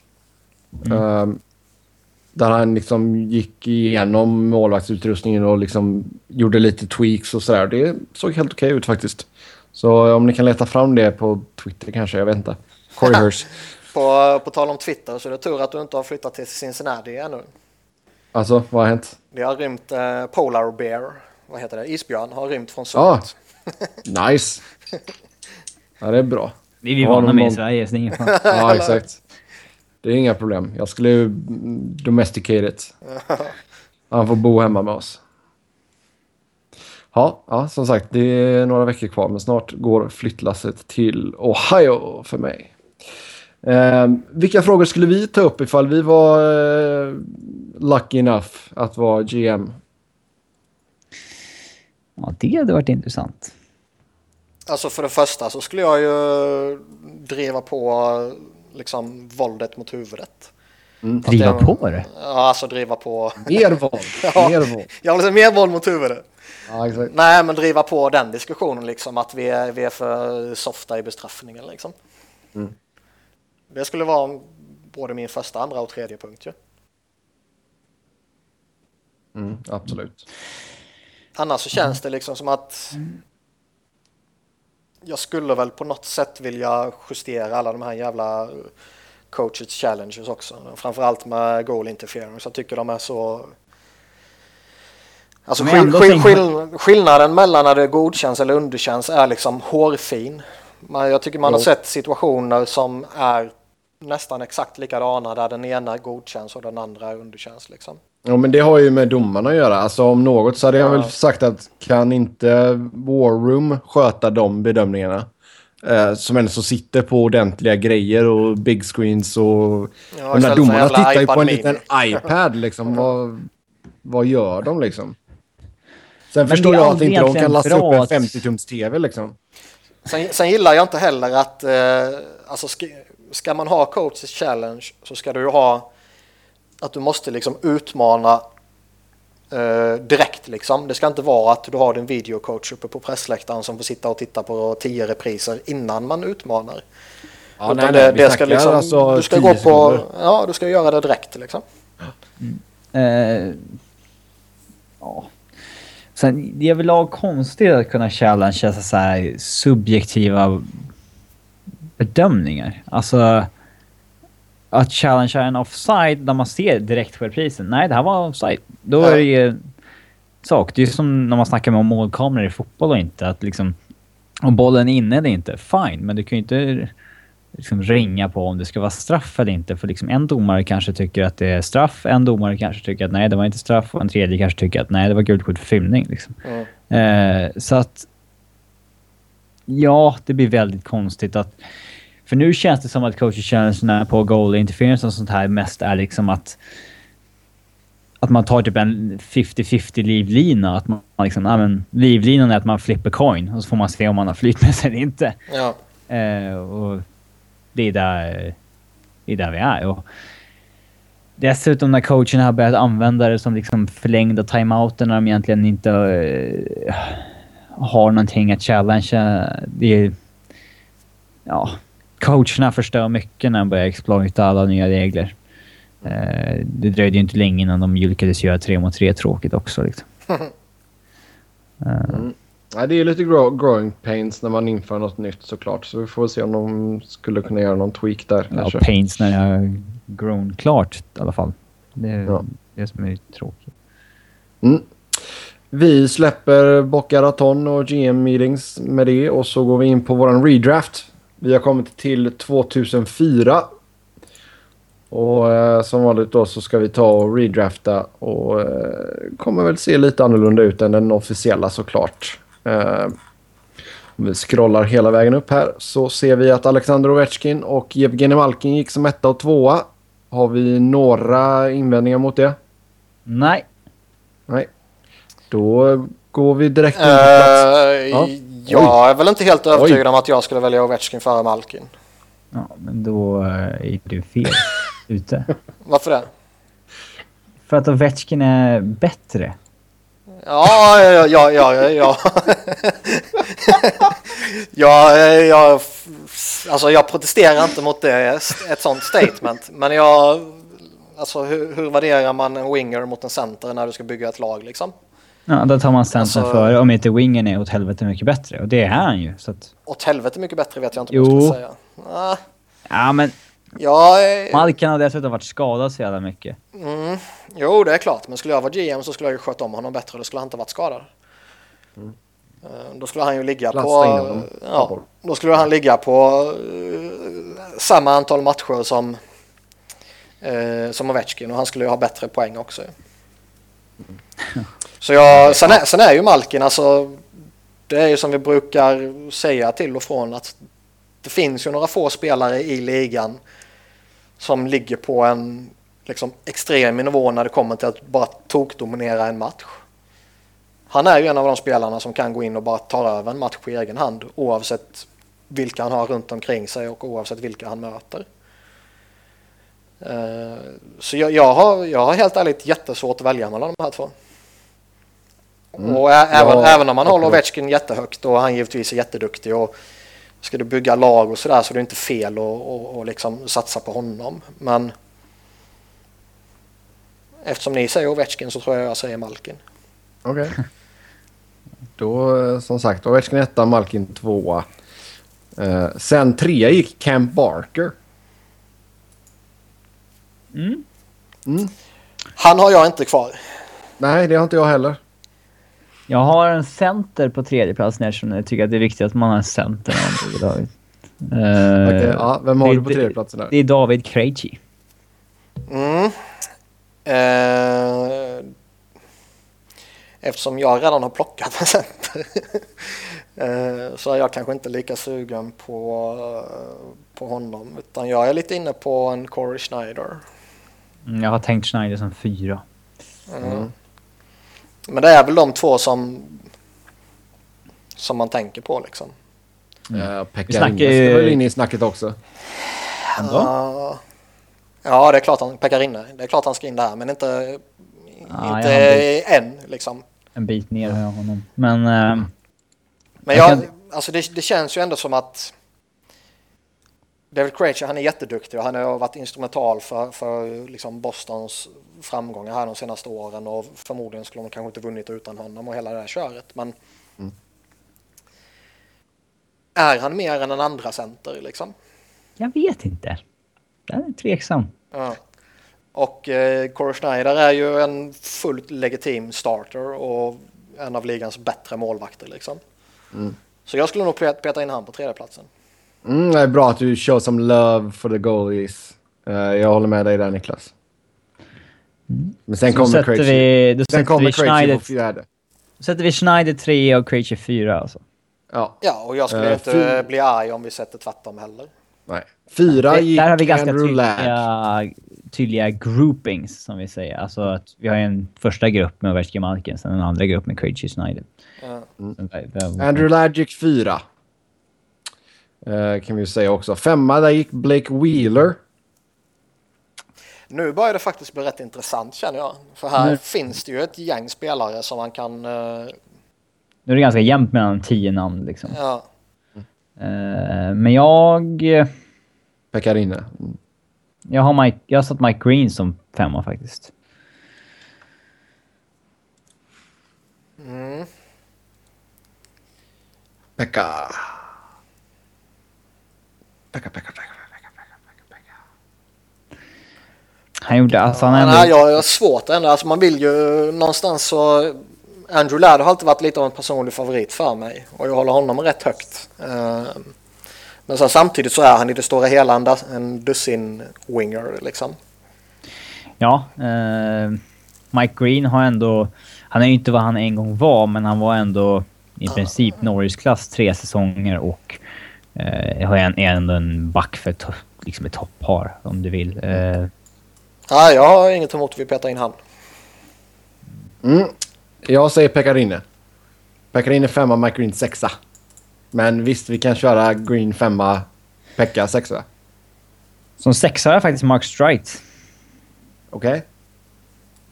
Eh, sexa gick Al Montoya för övrigt kan vi säga. Mm, han är nog inte kvar där. Eh, Mark Strite har ju varit en... eh, eh, han draftades i nionde rundan då, på den tiden. Eh, men... Uh, han har spelat eh, sju, 700 NHL-matcher, över 400 poäng. Har varit en jäkligt stabil tvåvägsback fram till nu sista året kanske. Eh, mm. Så att... Också alltid varit lite en så här personlig favorit för häftigt med backar som är sån eh, spets i PP liksom. Um, Mm. Överlag, det är jäkligt... Backar kommer jag ju värdera högre än wingers i, i draften. Alltså, så, om det inte liksom... Wingen är åt helvete mycket bättre såklart. Eh, Mm. Nej men det är bra. Det är ju ett bra case där. Jag, vi godtar det. Sjua, där gick Rostislav Olesh. mm. Instrumental i Hawks eh, cupseger. Mm. Ja. Nu vill jag peta in Andrew Ladd. Jag har en annan winger. Blake Wheeler. Nej. Franzén. Alexander Radulov. Ah! Jävla homer pick. ja, visst. Han spelar inte Avs än. Powerpick. men här är det ju...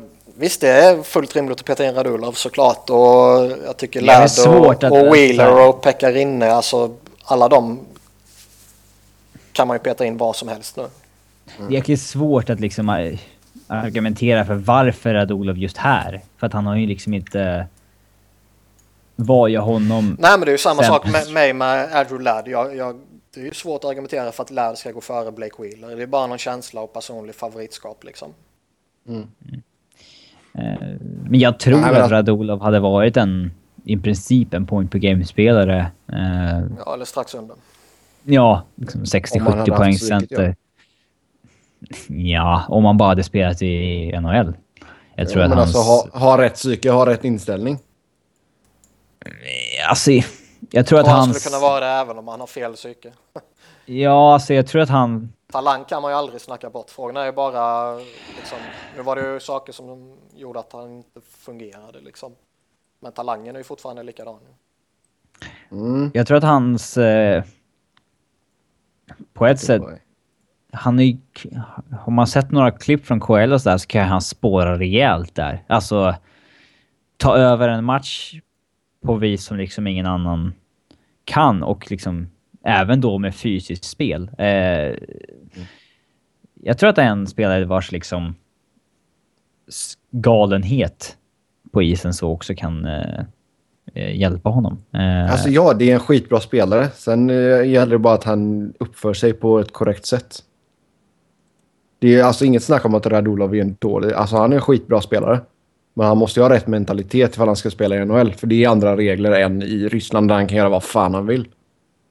mentalitet, vet du. Alltså, det är klart att Men det är viktigt snackar du han... utanför isen och sånt där då alltså? Ja, jo, jo, absolut.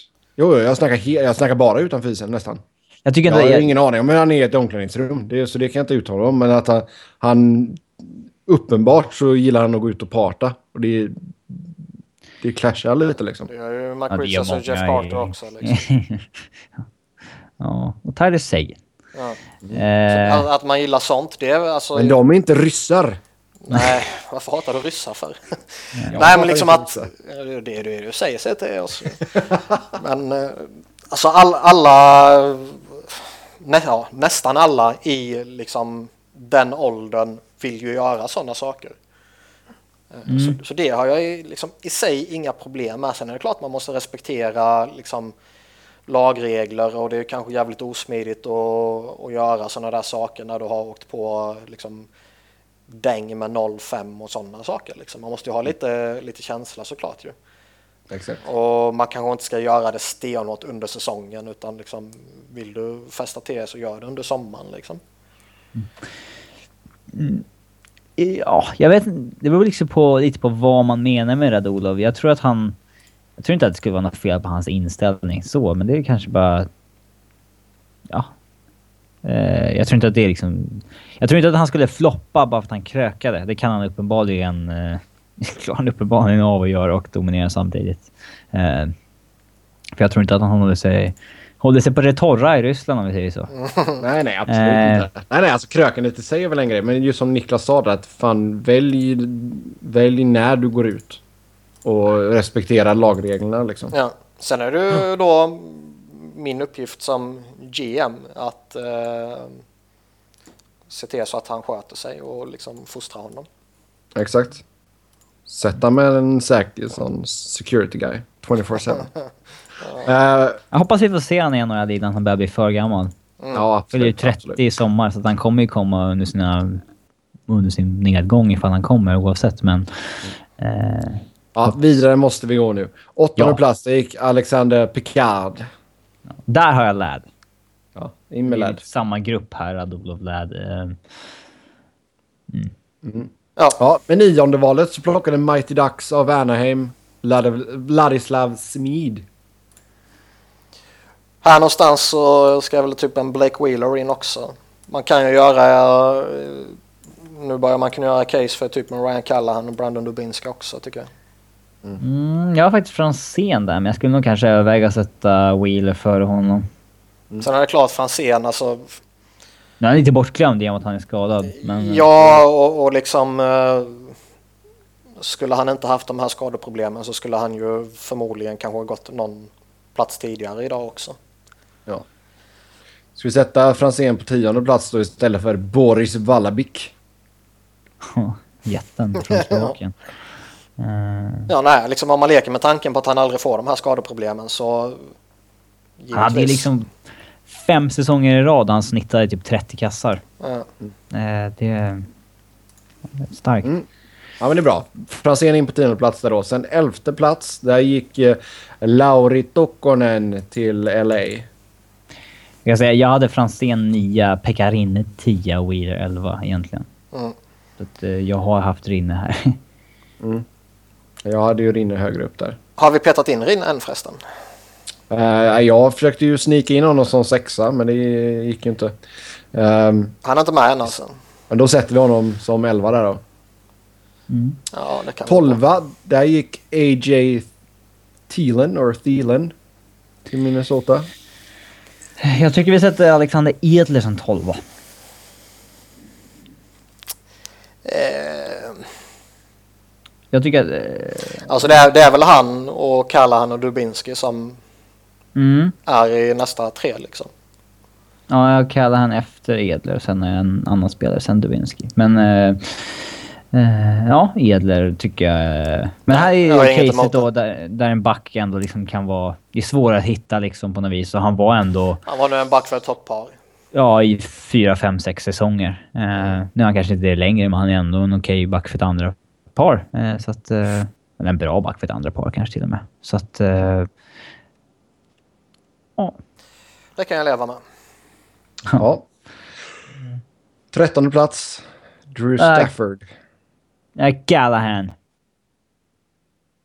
Okej. Det är svårt att inte påverkas av att han har gått ner sig så för jävligt. Alltså Men- jag skulle ju, jag tar ju hellre Dubinski före Callahan. Mm, ja, det kan alltså. Här Sen är ju det så också en så smaksak Det kan jag absolut, eh, Mm. det kan jag absolut köpa också. Ja. Så. Fjor, fjortonde plats, där gick Devin Dubnyk. Det börjar faktiskt bli, nu börjar det faktiskt bli nästan så här Sajak territory. Eh, men... eh, Jag tycker väl att han ska in någonstans bakom Callahan Dubinski liksom.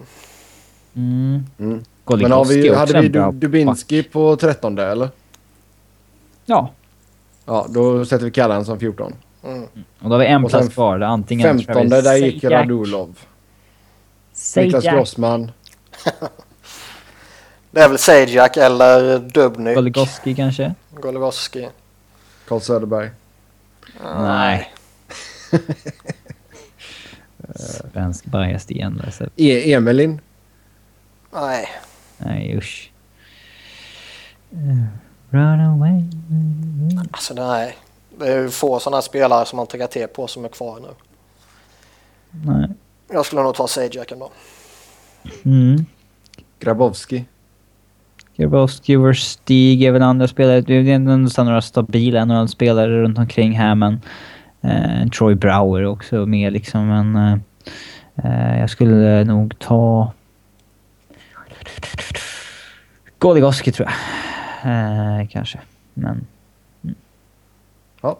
Röstar ni ner mig och vi tar Sagan så... Eller jag menar Seguin, ja jag tar gärna han. Sajak så... Eh, jag Nej, jag heller. kan ju inte påstå jag bryr mig mellan de två heller. Nej, Fuki Fuji helt enkelt. Är det ett uttryck eller är det ett namn? Det är ett namn. Yutaka Fuki Fuji. Fuji. Målvakten från Japan som Kings tog i, eh, åttonde rundan. Tror det var ett nytt uttryck för när vi inte kan komma överens om två namn. ja, det är det, en kan vi, det kan vi göra. Det är en Fukifuji. Absolut, det är bra. Det är vårt nya. Uh, nej, men visst. Goligoski, sure. Det var 2004 år. Nästa vecka så blir det 2005 helt enkelt. Uh, nu går vi in på... Se om Crosby är kvar som etta eller inte. Ja, jag funderar på tidsbristen här nu. Ska vi köra nästa punkt eller ska vi hoppa över till lyssnarfrågorna? Vad är nästa punkt? Nej, kör nästa. Den är roligare. Ja. ja, då ska vi lista de som vi tycker är sämst. Uh, vi listade fem sämsta spelarna som har en cap hit på mellan 5 och 7 miljoner. Och sen listar vi de fem sämsta spelarna som har en cap hit på över 7 miljoner. Ja. Uh, ja. Kan man filtrera de här på Hockeys cap eller någonting eller? Om du går in på Hockeys cap så väljer Players och Bros Players, Bros by Capit så har du en uh, sån här uh, som man kan filtrera högst upp där på Capit. Bros Niklas, börja slänga släng ut ett namn för guds skull. Släng ut ett namn. På 57 miljoner så slänger jag ur mig uh, Andrew McDonald. Ja, tycker inte han är bra heller. Nej, ja det är fine. Sen uh, slänger jag ur mig uh, Matt Carl. Fan vad många spelare det finns på den här. Ja. Ändå. Mm. De två tror jag vi alla är väldigt överens om. Ja. Shit, finns det så här många spelare? Över fem miljoner? Jajamän. Sen är det ju liksom... 104 stycken. Mm. Sen är man ju liksom... Hur förhåller man sig till uh, en sån som Dion Phaneuf liksom? Han är knappast sämst. Nej, han är inte sämst, men han värd de pengarna han har. Ja. ja, exakt. Ja, men det är lite det det är nu. Alltså, nu snackar vi är de värda de pengarna. Nej, liksom. vi snackar vilka är sämst av de som har mellan 5 och 7. Det är så frågan är ställd. Jo, det har du rätt i. Men man vill ju ändå värdera lite. Men visst, jag, jag har inget emot att vi skippar honom såklart. Det är inte det jag menar. Man vill, eh, för att göra Sebbe glad så säger jag väl Mike Smith. Har vi sagt Ja, ja. Clarkson förresten? Given etta. Eh, det är väl Clarkson har vi inte sagt. Det. Den är Ja, ganska Clarkson. så given. Då har vi, vad har vi fyra namn där? Ja. Han är ju knappt en replacement player numera. Eh, hur förhåller vi oss till Jimmy Howard? Nej, han behöver inte slakta. Cam Ward, Dustin Brown. Cam Ward är ju mycket värre. Uh, vad ligger Cam Ward på? 6, Ja, men nu... Ja, just det. Just det, just det. Ja, Cam Ward. Ja, går han före... Går han före... Ja, Brown? Mm. Eh. Nej, Dustin Brown är sjukt överbetald alltså. Ja, men är han sämst? Han är ändå en duglig liksom third liner. Ja, okej, ja, men då säger vi Cam Ward då. Ward är ju knappt en reservmålvakt längre. Ja, ja, men då kör vi på det. Ward. Då hade vi fem namn där mellan fem och sju mille. Vad sa Eh, vi? ska ta- McDonald, Carl, Clarkson, Smith och eh, Howard. Nej, Ward. Ward. Ja. Mm. Nu ska vi alltså ta ut fem spelare som har en cap hit på över sju mille. Över 7 eller 7 och uppåt? För Sju de som och- är- Jag har räknat eh, över sju. Så jag, alltså de som ligger Oj. på prick sju har jag räknat till föregående kategori. Men vi kan ta från sju om ni vill. Nej, Ja, det blir intressantare annars. Ja, det är lite så jag tänkte också. Ja, ja. Eh, vi... Eh, Annars ska vi hade ju Fernuff varit ganska aktuell. Ja, Mm. då har vi alltså 20, fem. 25 namn att välja mellan. Ja. Oj. Mm. Då är ett Och det är ju få av de här som är dåliga på riktigt. Så det här är lite Ja. roligt. Det är ett guldläge att hata lite på Rick Nash dock. Rick the Dick ska ju såklart vara med där. Ja, i en sämsta femman liksom. Ja. Bobrov, Bobrovski. Bobrovski är ju ganska given också. Ja. Eh, Braski. Bobby Ryan får man väl peta in också. ändå. Bobby Ryan. Ja, Han ska väl igen. I det sällskapet är det rätt givet. Eh, vågar man säga Taves? Ja. Nej, men man får väl Eh. peta in Brian Campbell kanske. Ja, Alltså i det, inte, Det för att jag tycker han är, inte för att jag tycker han är dålig, men i det här sällskapet och vi måste vända fem. är så, han sämre än Shea Webber idag, tycker du? ja. ja. Ja. ja, vad tar vi mer då? Det, vad, är det, vad har vi nu? Är Webber och. Campbell de sämsta två backarna här? Om vi ska ta ut en femma, säger vi. Eh, Är det, det är väl Webber och Campbell då? jag ska bara det- gå igenom listan. Ja, det är ju den där Tank, och Pekka-subban som är över liksom. Ja. Det, då har vi, okej, vi tar ut en femma. Så vi har Bobrovski i mål, Webber, Campbell. Så ska vi ha tre forwards. Och det är ju då Ryan till Och höger. Nash. Rick the Dick på varsin kant. Erik Stahl. Sen Erik. Stahl. Ja, Erik Stahl i mitten. Pavel Datsjuk har ju tacklat av rätt fett också. Mm, men han är bättre än Erik Stahl idag. Ja, det är han. Men jag vill ändå nämna honom. Eh, annars känns det inte som att det är några som är aktuella. Honorable mention då till Datsuk. Mm, ja, den är ändå hård alltså. Phil Kessel. Ah, alltså... Ge han en säsong till. Honom, ja, exakt. Ja, en Ge säsong. honom- ge honom en säsong till. Ja, det var fegt av er. Ja, det var väl den listan. Ni får gärna skriva in era egna i kommentarerna. Eh, vi hoppar över till lyssnarfrågorna. Och först ut är, tror ni, att, eller tror vi, att Detroit missar playoff för första gången sedan eh, stan brann eh, 1990. Ifall det nu skulle hända, hur mycket påverkar det klubben i framtiden? De skymlar ju inte om att den här streaken är ganska viktig för dem. Mm. Att det kanske är det, de har tagit en del beslut baserat på att hålla streaken vid liv liksom. Eh, så det, det, det kanske ändrar liksom hur de skulle tänka inför framtida trading deadline om de ligger liksom på året och sånt där. Eh, men eh, jag tror inte att vi skulle se dem trada iväg Datsuk i sommar liksom. Det, det tror jag inte. Nej, alltså bommar de slutspelet så har jag svårt att se att de gör något stort. Nej, man ser det som, som ett första år under Blashill liksom. Ja. När det var ett jobbigt coachbyte. Um, Sen är det man ser ju samma sak, liksom pratat Toews tidigare, man ser en liknande utveckling på Datsjuk och Zäta liksom som har gått och börjat Ja, bli lite de är sådär... gamla på riktigt. Ja, de är är, de är gamla men de har ju ändå blivit lite sådär smygdåliga. De är, fort, de är fortfarande Zäta tycker, man, duktiga, tycker liksom. jag har sett ett, så här, ja, som att han gått i en nedåtgående trappa de senaste tre fyra åren. Ja. Liksom. Ganska Alltså, tydligt. de, bo- båda två är fortfarande duktiga, det är inte det jag menar. Men de är ju inte... De är ju sämre än vad deras namn antyder, om man säger så. Där tycker jag kanske tappat den här... Uh, han kunde ju förmåga att ta över matcher fullständigt sådär också. Det har han inte haft i år. Eh, han, han, är ju, han är ju gammal på riktigt, han är ju fan 37 bast ju. Ja, så det är inte så konstigt. 38 till sommaren Eh, liksom. haft en del skadeproblem Ja. under lång tid. Så att... eh, eh, Men jag ser ju inte att liksom någonting påverkas på något sätt. För det är ju inte så att de... Alltså de har ju inte gjort till Rangers att de har offrat allt fram och tillbaka och det har bara gått stenhårt. Och sen så nu när de bommar så sitter de i skiten fullkomligt. Det gör de ju inte. Utan de har ju, nu har de lite intressant på gång. Eh, Manta är uppkallad till Red Wings. Vad tror ni han kan bidra med? Jag tyckte han såg rätt bra ut mot Flyers faktiskt. Eh, för att vara liksom... Eh, vad säger man? Debuten heter det. Så tyckte jag han, han såg bra ut. Han skapade chanser. Han hade lite oflyt i något läge där han... Eh, han kommer längs med kanten i ett bra skottläge och sen när han skjuter så går klubban sönder liksom. Shit happens. Men... Jag kommer ihåg jag höll honom jävligt högt när han draftades där runt omkring och kände som att det skulle bli jättespännande när han var på väg in i ligan men sen gick och bröt benet liksom.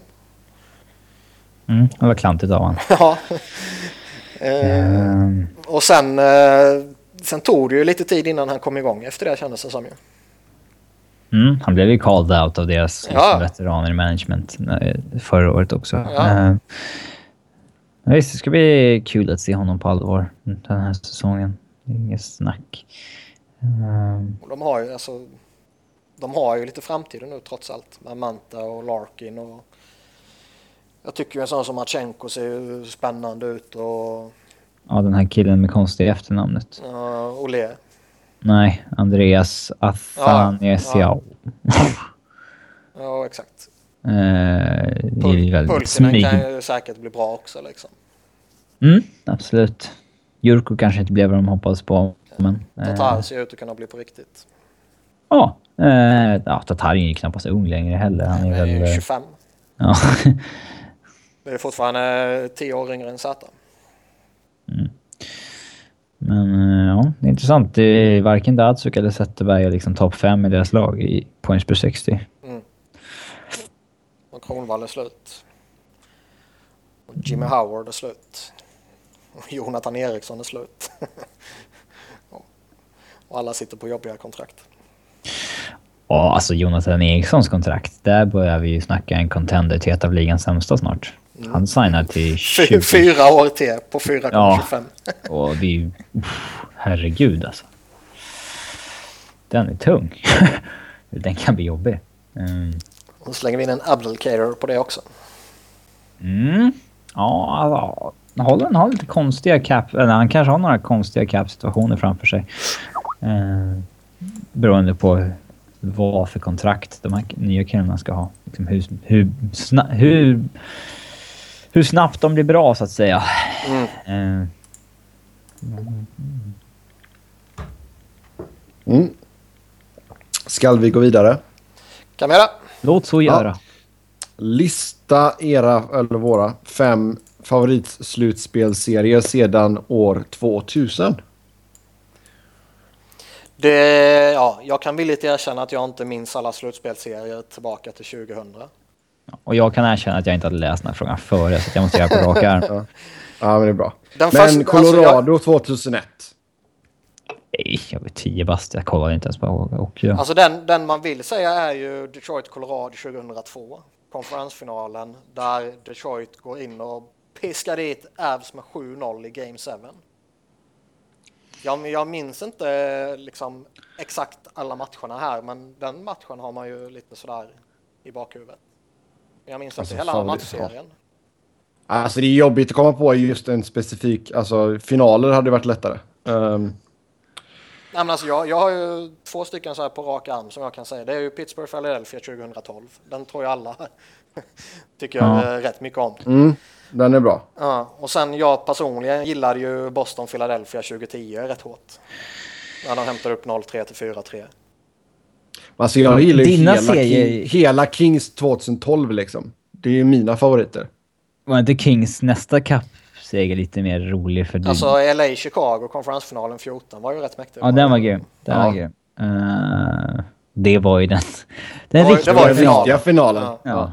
Vilket folk blev väldigt upprörda när vi sa, har jag för mig. Men eh, Rangers-fans... Det visade de också sen i finalen att det var inget snack liksom. Nej. Eh, men Chicago och Tampa senast i finalen var ju också en jäkligt häftig eh, serie. Sen är alltså jag, jag kan väl lite erkänna de här, du vet 2002, 2004 där, alltså 2000. De jag minns det är ju Philadelphia-serier liksom.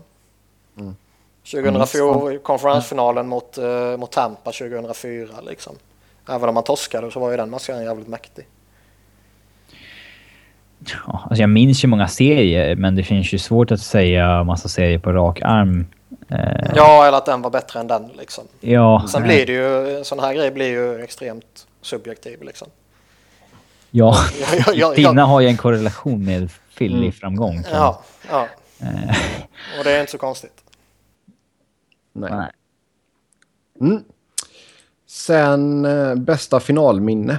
Menar man en enskild incident då, eller? Ja, det får du tolka helt hur du vill. Jag har tolkat det så. Ja, okej.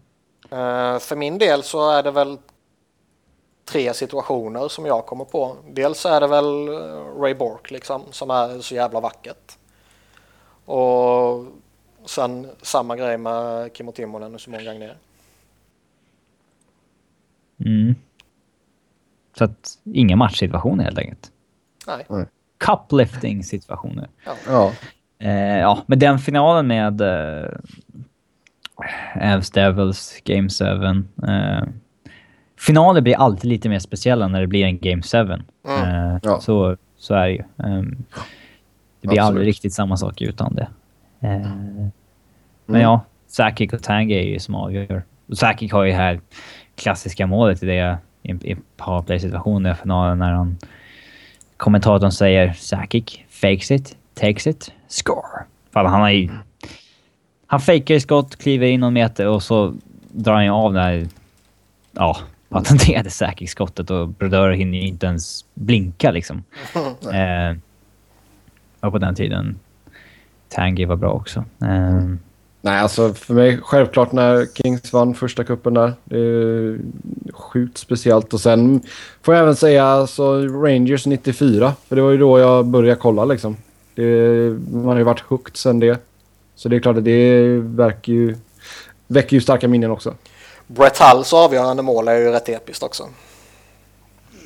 ja, och Max Talbots avgörande. det är också klassiker. Men Brett Hull måste man ändå nämna ju. Nej, så det, det finns mycket roligt som sagt. Så, Mike Rapp avgör. nej. och så här kan, vi, kan, vi kan säga Brett Hull och så hälsar vi till Alex. Mm.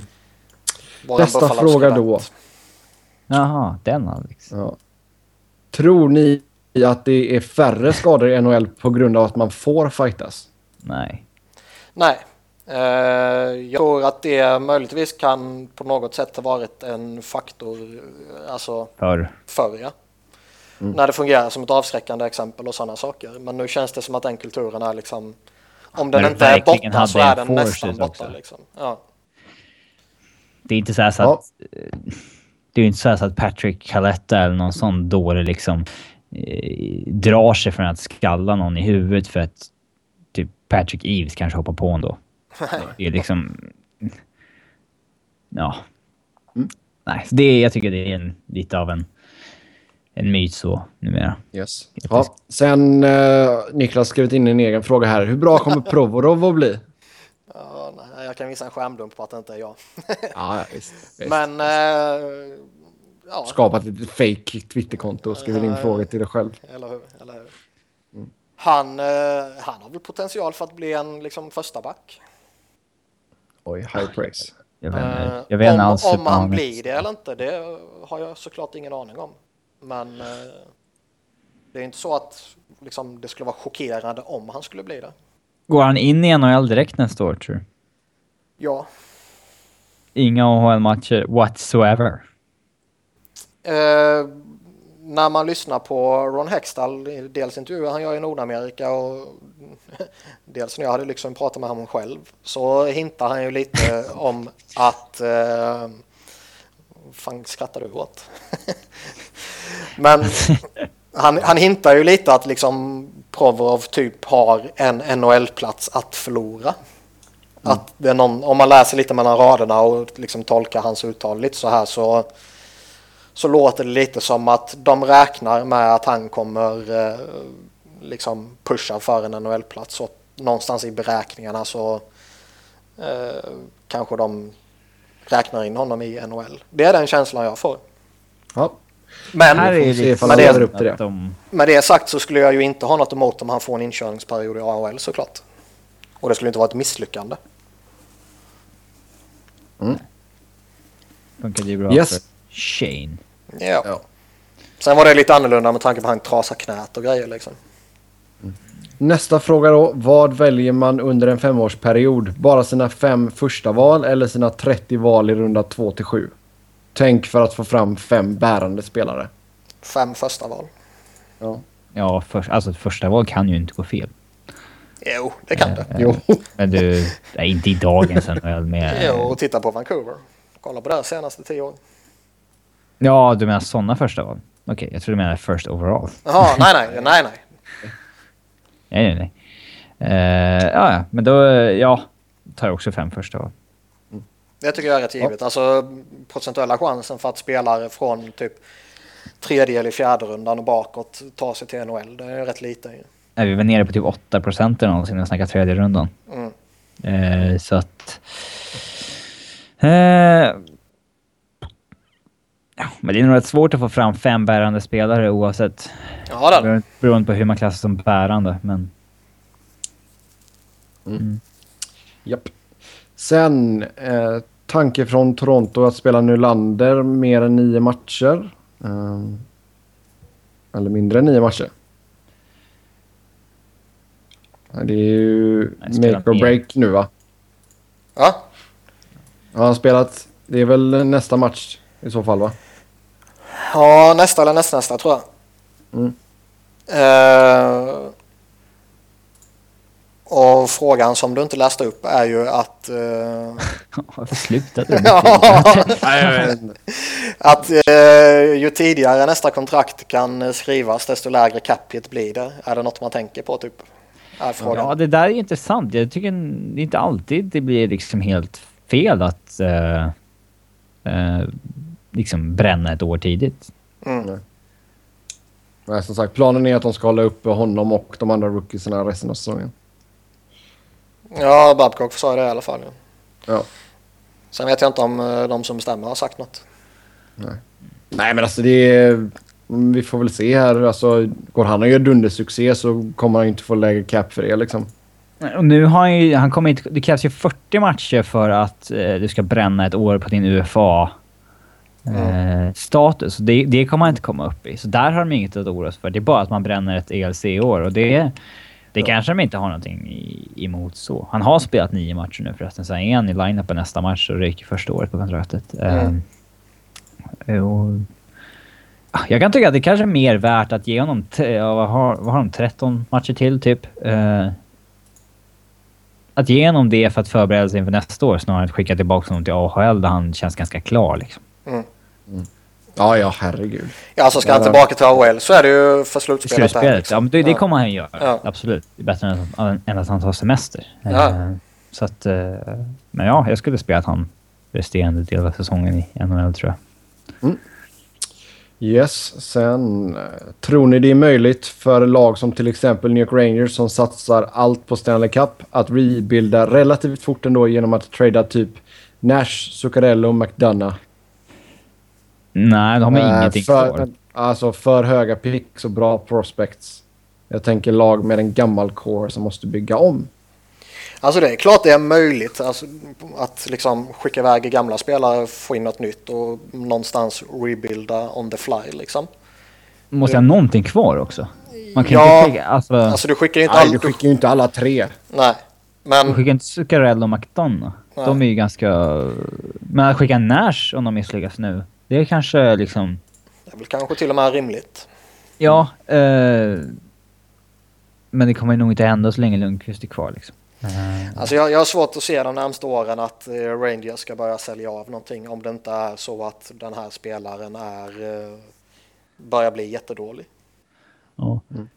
Intressant att veta dock vad de skulle kunna få för spel som Girardi och Stahl. Alltså hur högt anseende har de runt om i ligan? Stahl, Stahl kan nog framförallt. vara, det kan nog vara jättesvårt att säga det ena eller det andra. John Girardi tror jag man kan hitta rätt många GM som skulle värdera jättehögt. Ja. Eh, Mark Stahl är ju, alltså du vet med ögat och hela det här köret är ju lite, där tror jag även att Han har ju blivit lite så här überkass i skymundan för att Gerard är mycket sämre. Eh, och han var ju fan inte så jävla bra från början heller, Stahl. Det efternamnet det lockar ju många alltså. Eh, mm. Ja, och så en del skador på det också.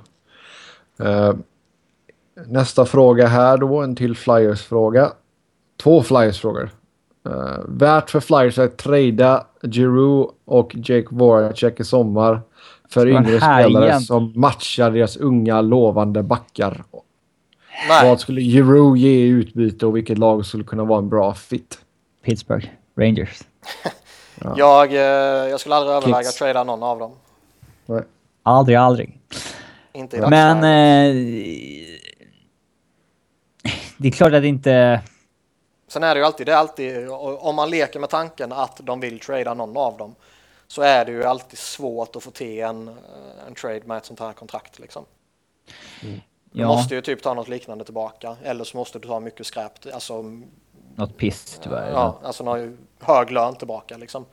Antingen ett kontrakt eller kanske två eller tre lite mindre. Så att det plussas ut. Och För det är jäkligt få lag som är i go for it mode eh, nog att gå för en Giroud som har liksom 8 mil ledigt närmsta tre åren på sin lönelista. Eh, Mm. Men... eh,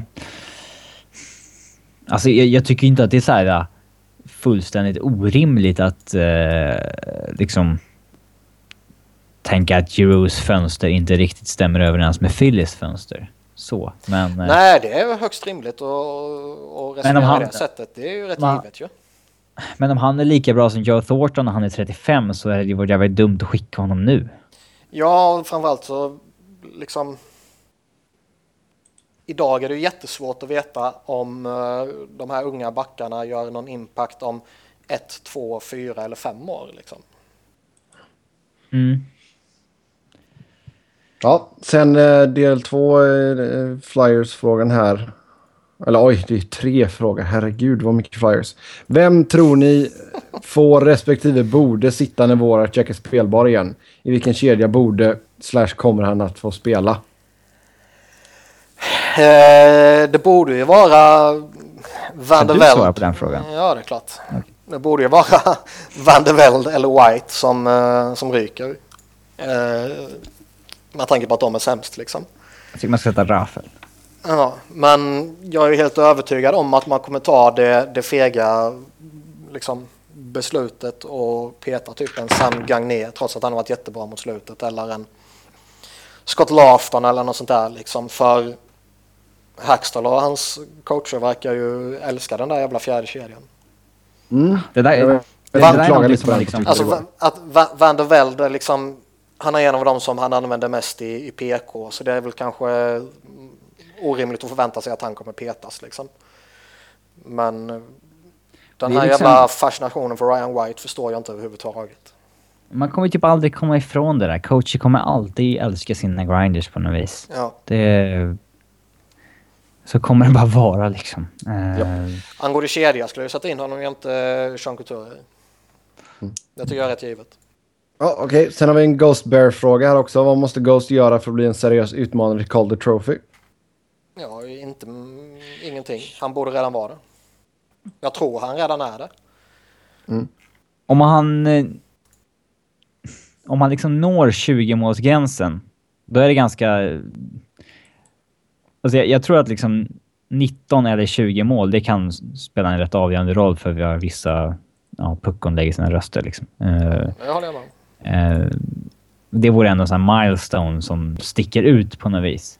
Mm. Och som jag har sagt tidigare så tycker inte jag att det är så jäkla avgörande att han har spelat 10 matcher färre än vissa andra. Liksom det, Alltså det, det är väl... Eh, Panarina är såklart eh, favoriten. Och sen är väl det typ McDavid och Ghost Her som kommer bakom, tror jag. Larkin är väl ändå...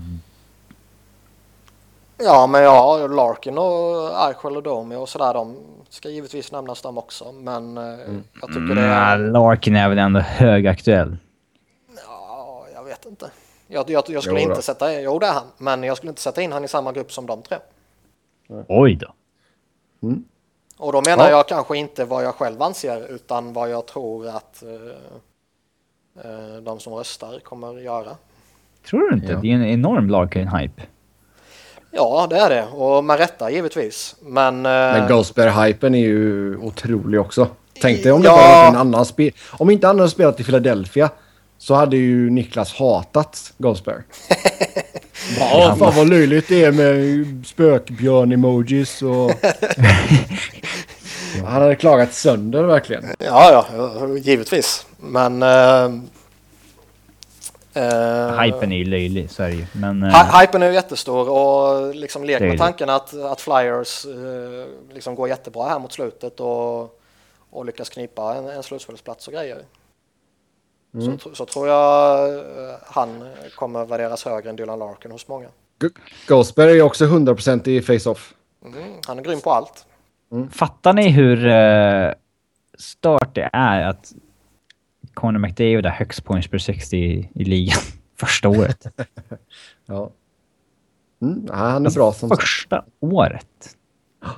Nästa fråga. Vilka 18 trades har varit... Kom igen nu. Vilka trades har varit bäst Jagr är trea. Åh gud. 44 bast. Ja, vi går vidare. Vilka trades har varit bäst Vem är slash tvåa? sämst? Åh gud. Ah, För snett you're killing me man. ja, det är klart. Ja, Det borde du se att det ska komma.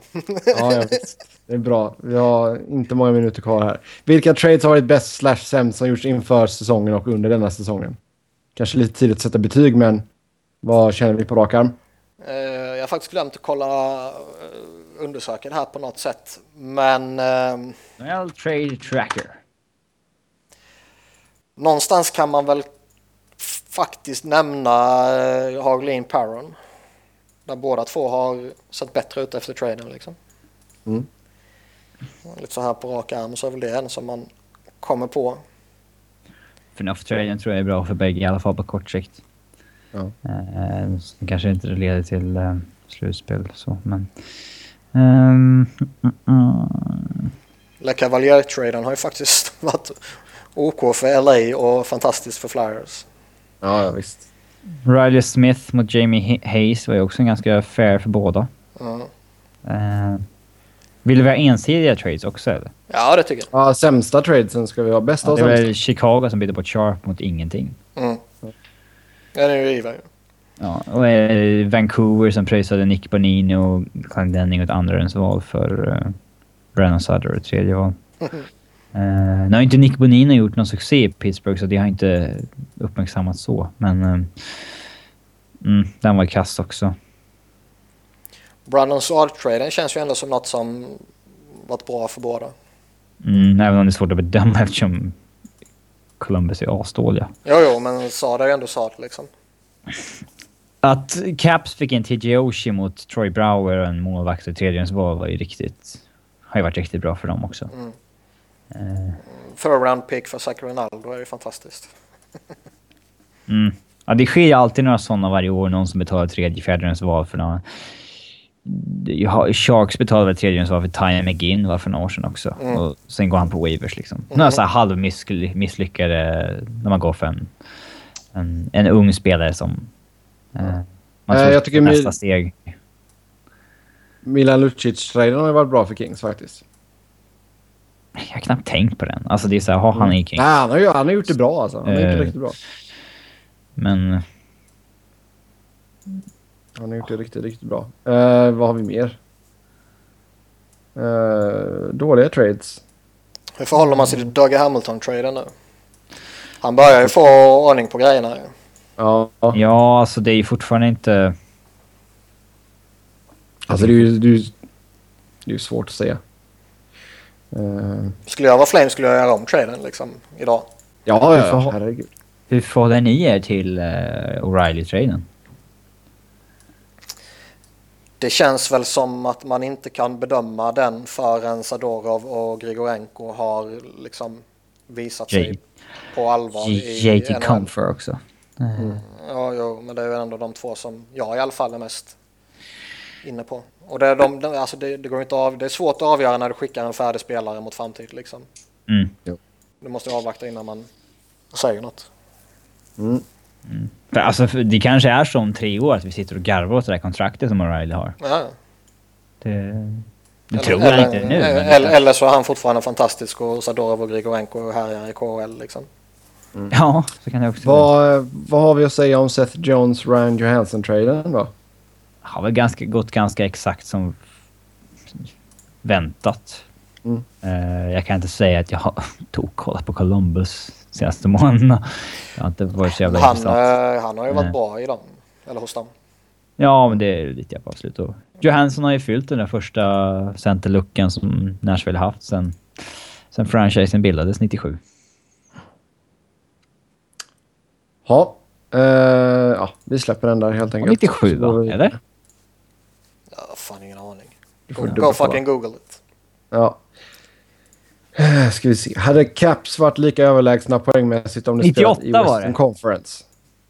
Va? Alltså jag ger upp här snart.